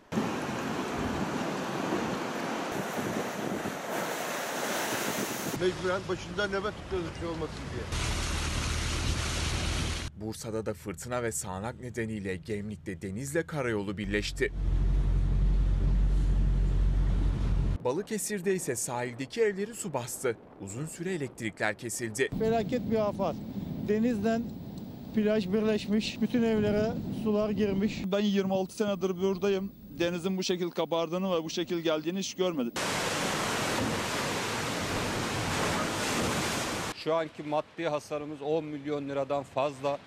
Biz burada yaklaşık 100 aileden fazla kişi burada ekmek yiyor. Görülmemiş fırtınada Yalova'da da Luna Park çöktü. Çoğu alet kullanılamaz hale geldi. Fırtınanın uçurduğu çatı Termal ilçesinde iki kişinin üstüne düştü. Yaralandılar. Zonguldak'ta da uçan çatıyı yine kameralar görüntüledi.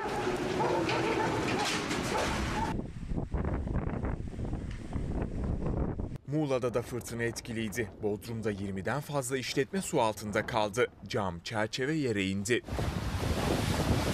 El birliğiyle toparlayacağız tekrar. En az 20 işletmede ciddi zarar görüyorum. Yurdun genelinde soğuk hava bugün de etkili olacak. İç kesimlerde kar yağışı bekleniyor. Karadeniz ve Güneydoğu Anadolu'da ise yağmur var. Depremi ağır yaşayan Hatay'da bitmeyen altyapı sorunu, bitmeyen yanlış geldin burası değil ta oraya gideceksin sorunu, sonra bitmeyen ulaşım sorunu, bitmeyen internete erişim sorunu, her zaman olduğu gibi şimdi de 14 saatlik elektrik kesintisi sorunu. Vicdan ne der? Zaten hayat burada zor Vicdan ne der? Bunları çözmeleri gerekmez mi diyor izleyicimiz Selda Eski Ocak X'ten gönderdiği mesajda. Şimdi İstanbul Maltepe'deyiz. Burada e, temel kazma sırasında kayan toprak. tedbiren binayı boşaltmamızı istediler. Kentsel dönüşüm kapsamında yıkılan binanın inşaatında toprak kayması yaşandı. Hemen arkasındaki binayı tehdit eden kayma nedeniyle binada oturanlar tahliye edildi. Temel inşaatına başladılar ama bizim apartmanımızın arkasındaki istinat duvarı arkasında bir dayanak kalmadığı için çöktü. İstanbul Maltepe'de Çınar Sokak'ta bulunan bir bina kentsel dönüşüm kapsamında yıkıldı. Yeni binanın inşaatında temel kazma çalışmaları sırasında toprak kayması yaşandı. Mahalleli gürültüyle sokağa döküldü. Olayın yaşandığı sokakta bulunan binanın duvarı çöktü. Neyse ki toprak kayması daha geniş çaplı ilerlemedi. Ekiplerin bölgedeki incelemesi sonucu bina sakinleri tahliye edildi. Toprak kaymasıyla çökme tehlikesi geçiren bina güvenlik şeritleriyle çevrildi. 5 katlı binada incelemeler devam ederken apartman sakinlerinin bir kısmı yakınlarına bir kısmı otellere yerleşti. Vicdan ne der derken bir izleyicimiz yazmış. 10 aydır deprem bölgesinden hiç haber yaptınız mı? Ben bu mesajı sizin vicdanınıza emanet etmek istiyorum. Sonra Rusya ile Ukrayna savaşı haberi nerede diye sormuş kendisi. Siz uyandığınızda, siz ekran karşısına geçtiğinizde başlamıyor ki çalar saat. Kaçırmışsınız. 10 aydır deprem bölgesinde haber yaptınız mı? Mı? Neyse devam edelim. Sözcü gazetesi, Sözcü gazetesinin manşeti ve buradan da sizi Ankara'ya götüreceğiz. AKP iktidarında para pul, insanlık kul oldu. Her şey yalan. Dinci gördüğün dinci değil diyor. Sözcü gazetesi. Solcu gördüğün solcu değil. Dürüst gördüğün dürüst değil. Gazeteci gördüğün gazeteci değil. Atatürkçü gördüğün Atatürkçü değil. Hayırsever gördüğün hayırsever değil. Milliyetçi gördüğün milliyetçi değil. Din, iman, para ve gösteriş olmuş. Millet hepten kıblesini şaşırmış manşetiyle Sözcü gazetesi bugün okurlarının karşısında. Her şey yalan derken bakın ben sizi Ankara'ya bir götüreyim. Ankara'da birkaç gündür ne oluyor, ne yaşanıyor? Ankara'da komşu kavgaları, gürültü cinayetleri yaşanıyor. Ve son 3 gündür, 4 gündür 8 kişi yaşamını yitirdi. Aynı günde, aynı semtte, aynı gerekçeyle yaşanan ikinci komşu cinayeti. Dört gün içinde ise üçüncü. Ankara'da gürültü cinayetlerinde 8 kişi yaşamını yitirdi. Cumartesi akşamı adres yine Ankara Keçiören. İddiaya göre iki komşu daha önceden de gürültü gerekçesiyle tartışmıştı. KT alt kattaki komşusuna gürültü gitmemesi için evinde tadilat yapıyordu. Çıkan gürültü yeni kavganın da sebebi oldu. İddiaya göre RÖ gürültü yaptığı gerekçesiyle komşusu KT'nin evine gitti. İkilinin diyaloğu kısa sürede tartışmaya dönüştü. Tartışmaya KT'nin akrabaları da dahil olunca RÖ ruhsatsız silahıyla 6 kişiyi vurdu, bir kişi hayatını kaybetti. 6 kişiye acımasızca ateş eden RÖ olayın ardından ruhsatsız tabancasını da olay yerinde bırakarak motosikletiyle kaçtı. Polis şüphelinin yakalanması için çalışma başlattı.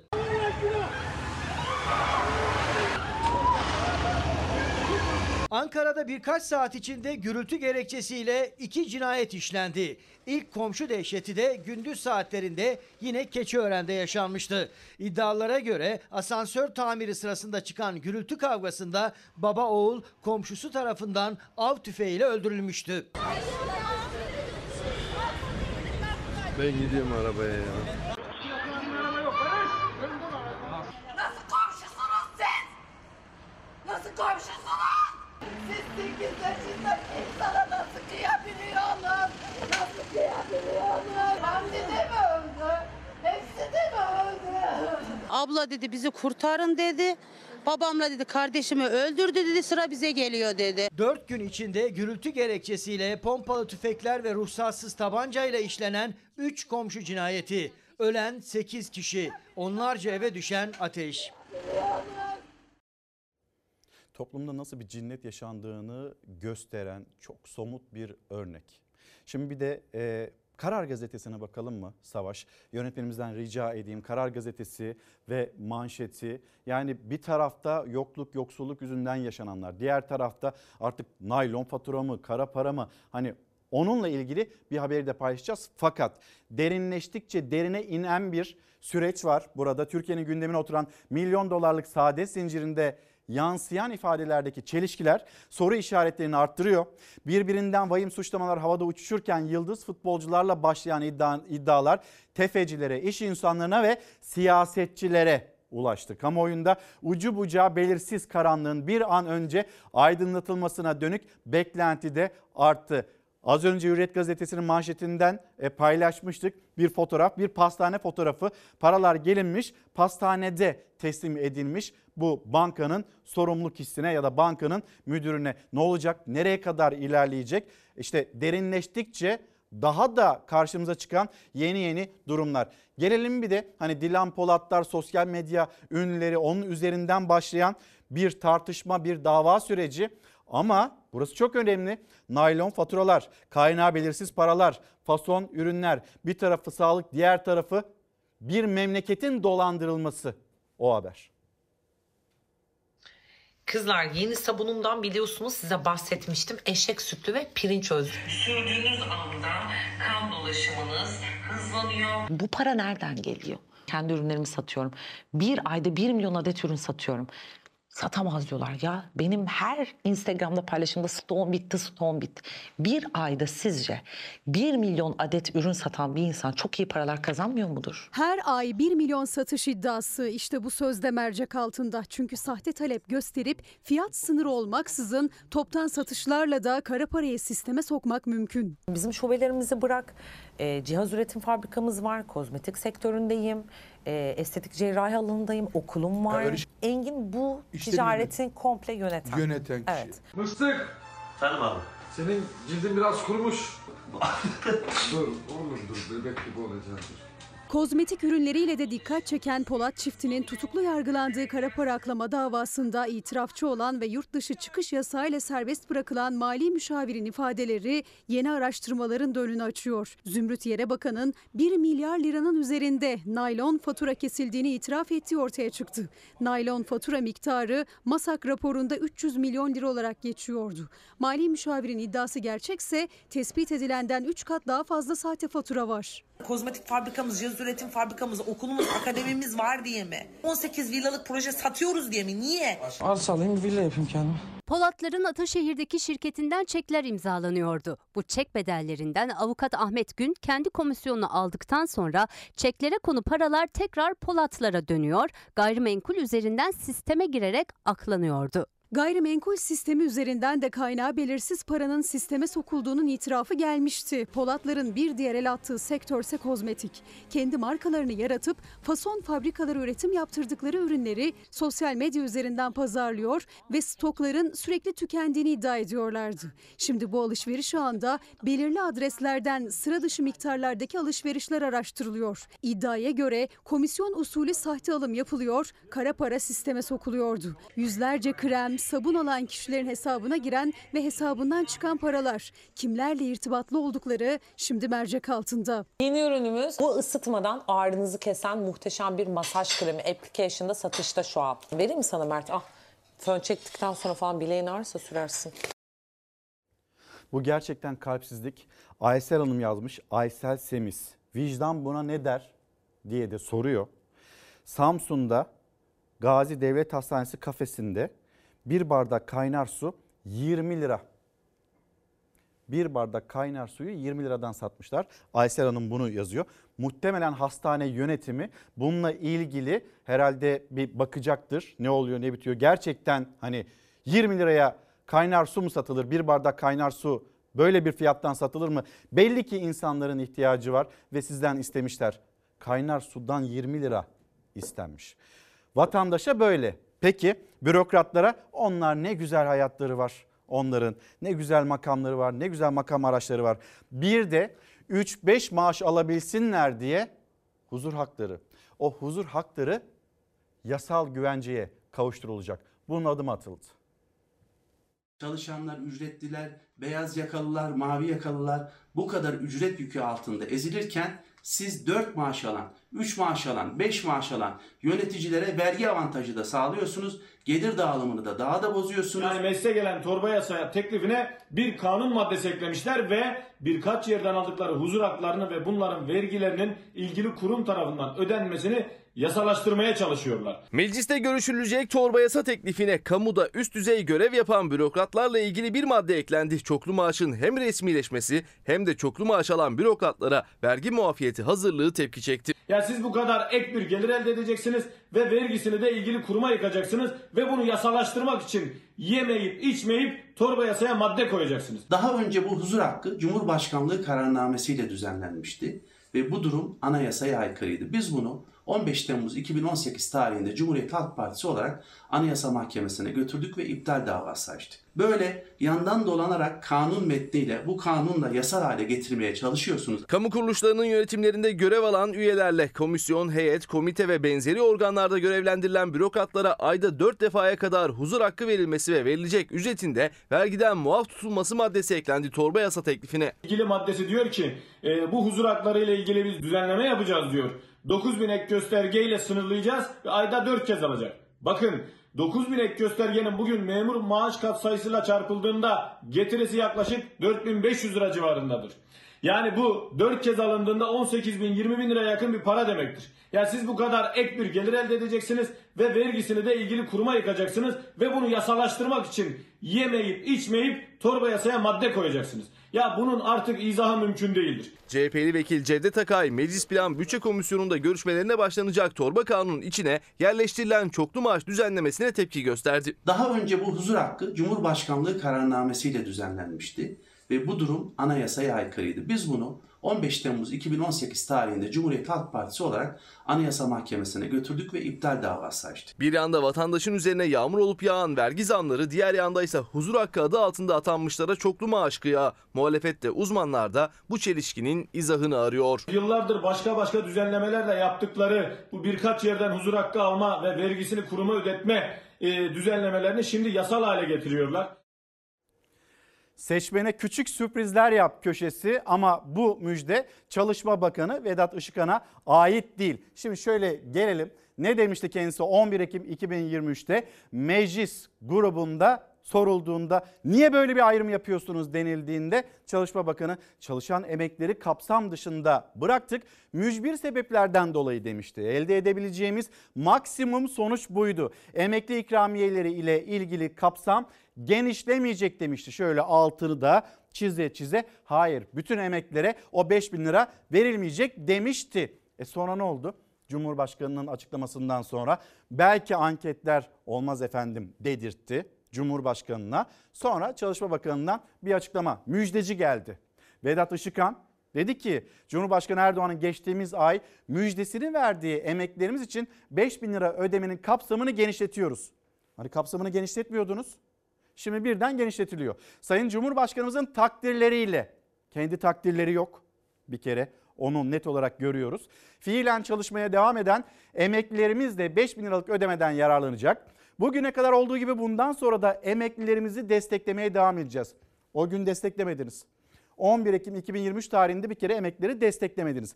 Bugüne kadar olduğu gibi bundan sonra da emekleri destekleyecek misiniz, desteklemeyecek misiniz?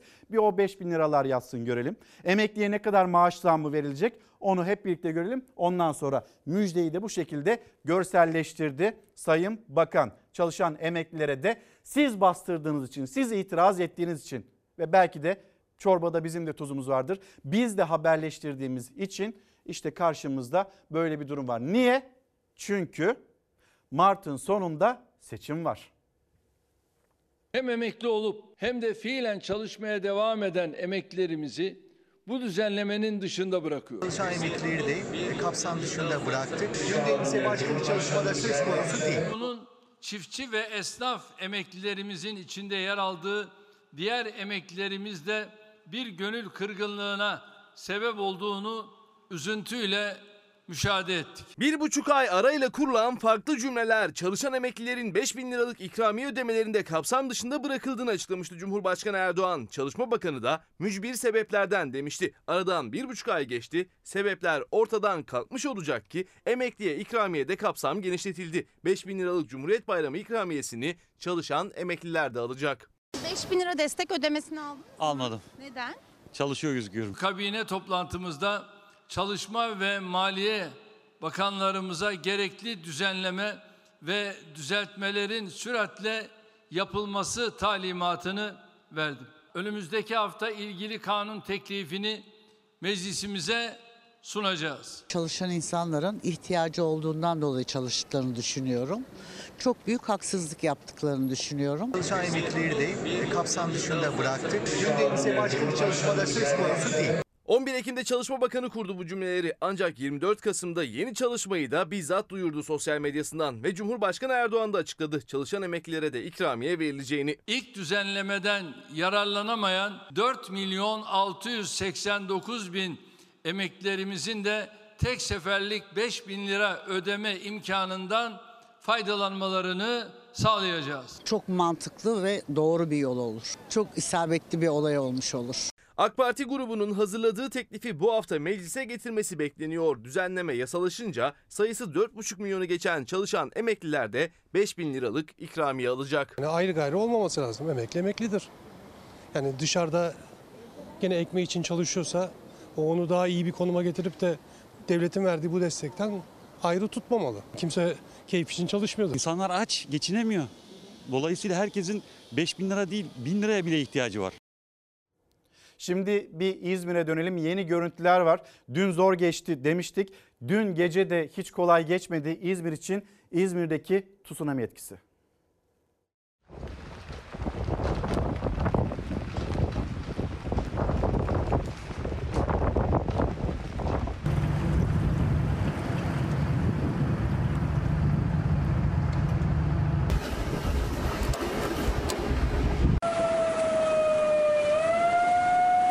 Fırtına ve sel İzmir'de yer yerinden oynadı. Tahliye çalışmaları sabaha kadar sürdü. Aşırı yağışlar fırtına İzmir'i vurdu. Karşıyaka ve Konak'ta deniz taştı. Tsunami etkisiyle yollar su altında kaldı. Metrelerce derine kadar girdi deniz. İş yerleri, otoparklar suya gömüldü. Botlarla kurtarılanlar oldu. Çek çek abi rezaleti çek.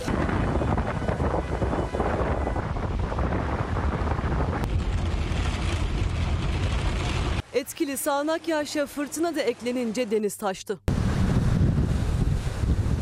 Müzisyen gençler Alsancak'ta mahsur kaldı. Kurtarma ekipleri gençleri botlarla taşıdı. Alsancak'ta müzik yapıyoruz. Botla geldik Botla gördüğünüz geldik gibi. ya, sağ olsunlar. Çok sağ olsunlar bizi kurtardılar.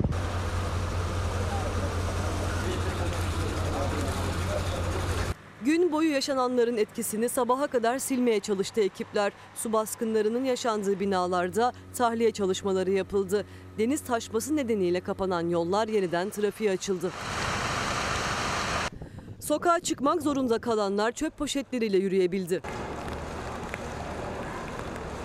Karşıyaka'da bir sitenin su basan bahçesinde mahalle sakinlerinden biri kanoyla ilerledi.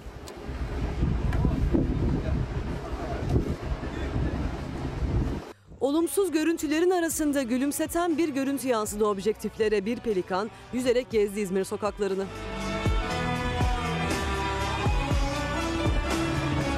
Sadece İzmir'in merkezinde değil ilçelerinden de benzer görüntüler geldi. Çeşme'de caddeler, sokaklar denizle birleşti. Yağmur ve fırtına dindi ama su geri çekilmedi. Havadan da karadan da görüntü aynıydı. Denizle kara birleşti.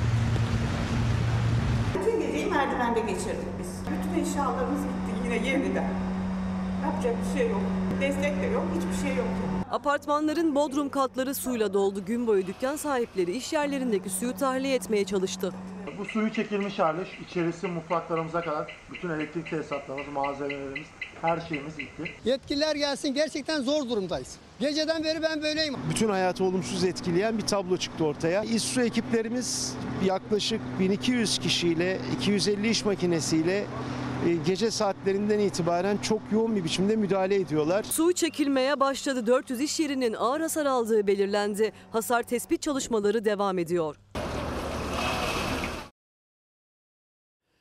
Son dakika bilgileri var hemen paylaşalım. Kastamonu'nun İnebolu ilçesinde yük gemisi karaya oturdu demiştik. Haberini de ekranlarınıza getirmiştik. Gemideki e, ikisi Türk 11 kişilik mürettebatın tümü kurtarıldı. Yeni günün sıcak son dakika bilgilerinden birisi bu. Sonra e, aşırı yağışlar sel getirdi. Nerede? İskenderun'da. İskenderun'da deniz taştı dalga boyu 5 metreye kadar yükseldi. E, kar yağışı etkili oluyor. Ardahan ve Samsun'da e, burada Ardahan Samsun seferini yapan yolcu otobüsü Artvin'de kara saplandı. Karadeniz'e gideceğiz. Sonra deprem bölgesinde kalacağız ve e, yine Doğu ve Güneydoğu Anadolu burada fırtına bekleniyor.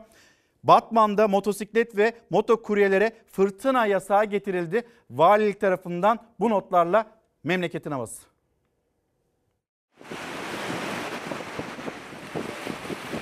Depremin vurduğu Hatay'da olumsuz hava koşulları depremzedelere çile oldu. Görüntüler İskenderun sahilinden.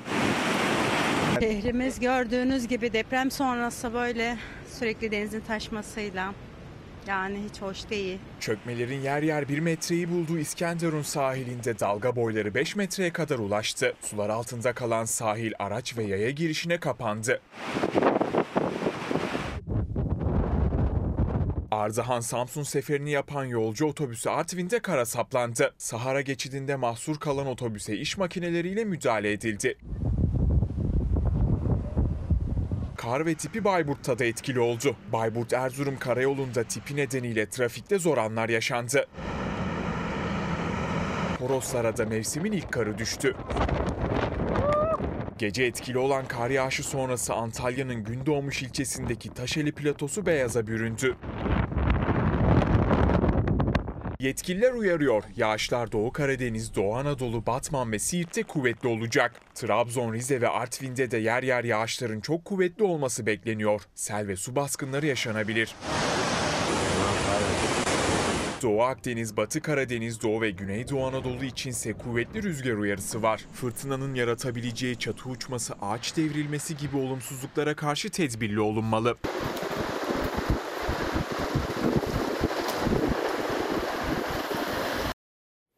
Az sonra sen ne güzel evlatsın diyeceğiniz bir görüntü ve bir abla onun e, sesini duyacaksınız. Yaptığını kardeşi için yaptığını da göreceksiniz, izleyeceksiniz. Ama e, o habere gitmeden önce kar herkes için esaret demek değildir diyelim. Ne demek istediğimiz de haberdi.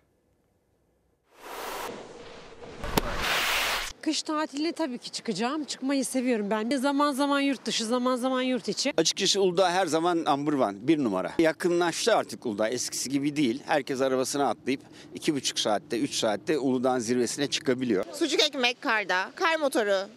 Ben bunları seviyorum. Kayaktan ziyade daha çok. Hadi kayarsam bir saat iki saat anca. İsteyene kayak için, isteyene kar partileri, diğer kar sporları veya sadece keyif yapmak için kar tatili sezonu başladı. Uludağ'da kar kalınlığı yükseldi, fiyatlar da zirveyi zorluyor. Kar tatili yapmak geçen seneye göre %100 zamlı. Yılbaşı tatilinde ise geceliği sezon fiyatlarının 3 katına çıkıyor. Uludağ'a gidiyorum her sene genelde. Ama bu sene Uludağ ne kadar olur fiyatları bilmiyorum. Uludağ'ın birinci bölgesinde direkt pistlere açılan e, otellerde sabah akşam yemekleri dahil günlük 9 bin liradan başlıyor fiyatlar.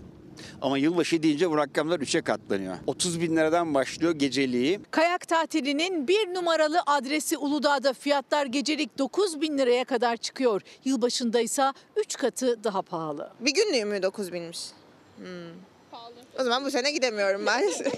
Geçen yıl sanki 3 gün kalmıştık. O zaman toplam 10 bin lira ödemiştik. Geçen yıl 3 gece kalınan fiyata artık tek gece kalınabiliyor Uludağ'da. Kayak tutkunları ise yüksek fiyatlara rağmen planlara başladı. Sarıkamış'a kayak saatinde gitmeyi düşünüyoruz. Umarım keyifli geçer. Şimdiden yerimizi ayıttırdık. Ya inşallah kar durumuna göre Uludağ'a gitmeyi düşünüyoruz açıkçası. Önce bir yurt dışına gidip yılbaşında zaten oradayım. Oradan bir Alplere belki gideriz çocuklarla. Genelde Alplere gidiyoruz.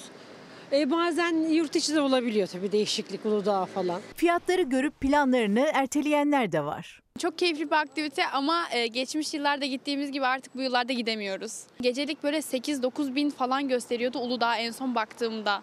Yani bence pahalı. Geçmiş yıllarda gittim. Keyifliydi.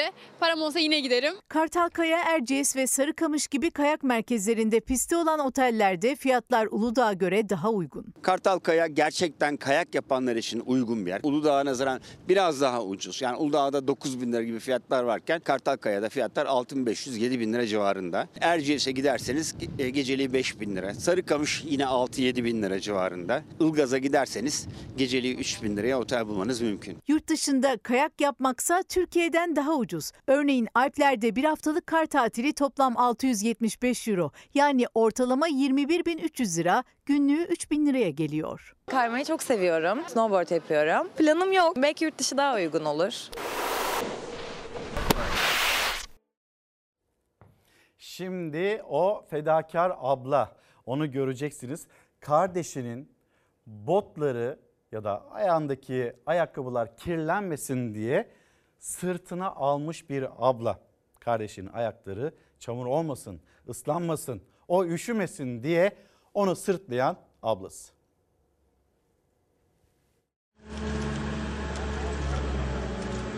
Benim adım Emine, soyadım İbrahim. Dördüncü sınıfa gidiyorum. Çok yağmur yağıyordu. Sonra seller geliyordu. Sel bitince sonra çam- her yer çamur oluyordu. Annem dedi ki git kardeşini al. Sonra yerler hepsi çamurdu. Kar- gittim kardeşimle okuldan al sırtıma taşıdım. Fotoğraf çektiklerini de görmedim. Telefondan çıktı. Çok şaşırdım. Sonra annem gördü. Birlikte izledik sonra. Bir daha yerler çamur olsak kardeşimi yine alırdım.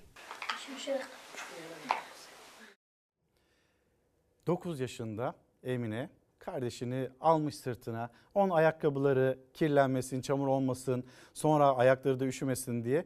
E kendisi pembe terliklerini giymiş, yalın ayak ama kardeşi için nasıl bir fedakarlık göstermiş. Şimdi e, Batman'dan Diyarbakır'a gidelim. Diyarbakır'da yaşanan bir sorun aslında ciğer artık bizim memleketin örfü, kültürü haline geldi diyor. E, Diyarbakırlılar yalnız Diyarbakır'da kuzu ciğerin fiyatı kırmızı eti geçti. Diyarbakır şu anda Türkiye'de bir tonun üstünde ciğer tüketen tek şehir. Artık buranın bir artık bir örfi adeti gibi bir şey oldu. Diyarbakır'ımız bir ciğer kentidir. Son zamanlardan fiyat artışlarından dolayı yani aşırı bir pahalılıktan dolayı insanların fiyat konusunda biraz rahatsız oluyorlar. Bugün e, ciğer eti geçti. Ciğerin kilosu 420 TL.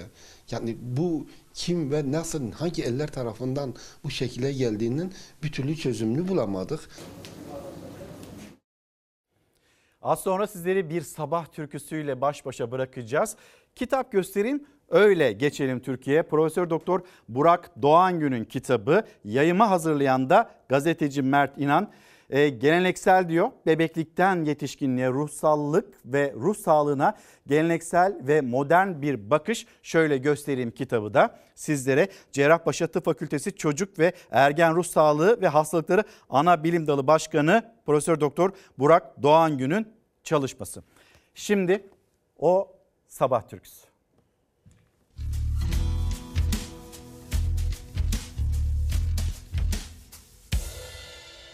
Bir deniz üstündeyim Ne ucu var ne bucağı Bir rüzgar önündeyim Gel keyfim gel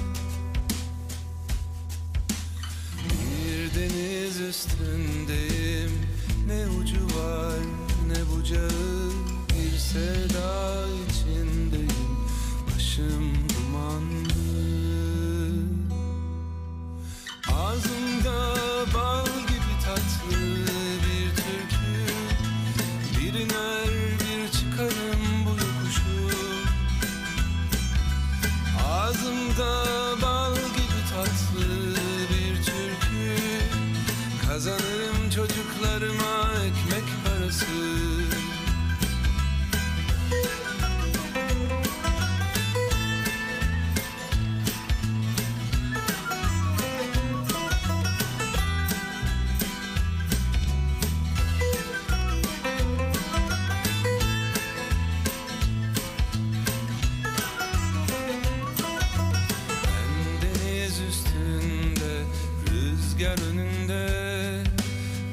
sevda içinde Tatlı türküde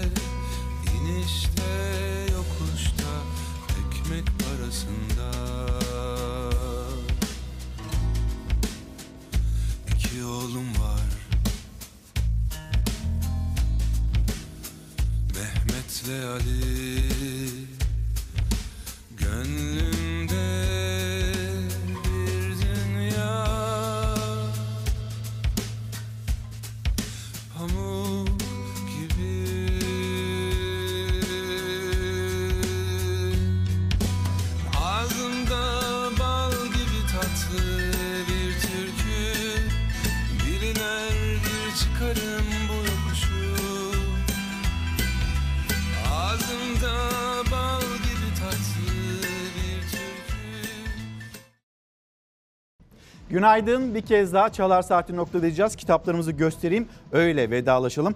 Korkut Ulucan popüler diyetlere göre değil genlerinize göre beslenin diyor kitabında. Değerlerle Türk tarihi Koray Şerbetçi'nin çalışması ve Esin Sayar, Irina, Kaderin Labirentinde yalnız bir kadın. Hemen kitabımızı gösterelim ve kapatırken her zaman gibi teşekkürüm sizlere. Bizi izlediğiniz için teşekkür ederiz. Yarın saatler 8'i gösterdiğinde bir kez daha biz burada olacağız Türkiye'nin gündemiyle ve sizlerin bize ileteceğiniz mesajlarla, o notlarla o ana dek buluşuncaya dek hoşçakalın güzel bir gün olsun.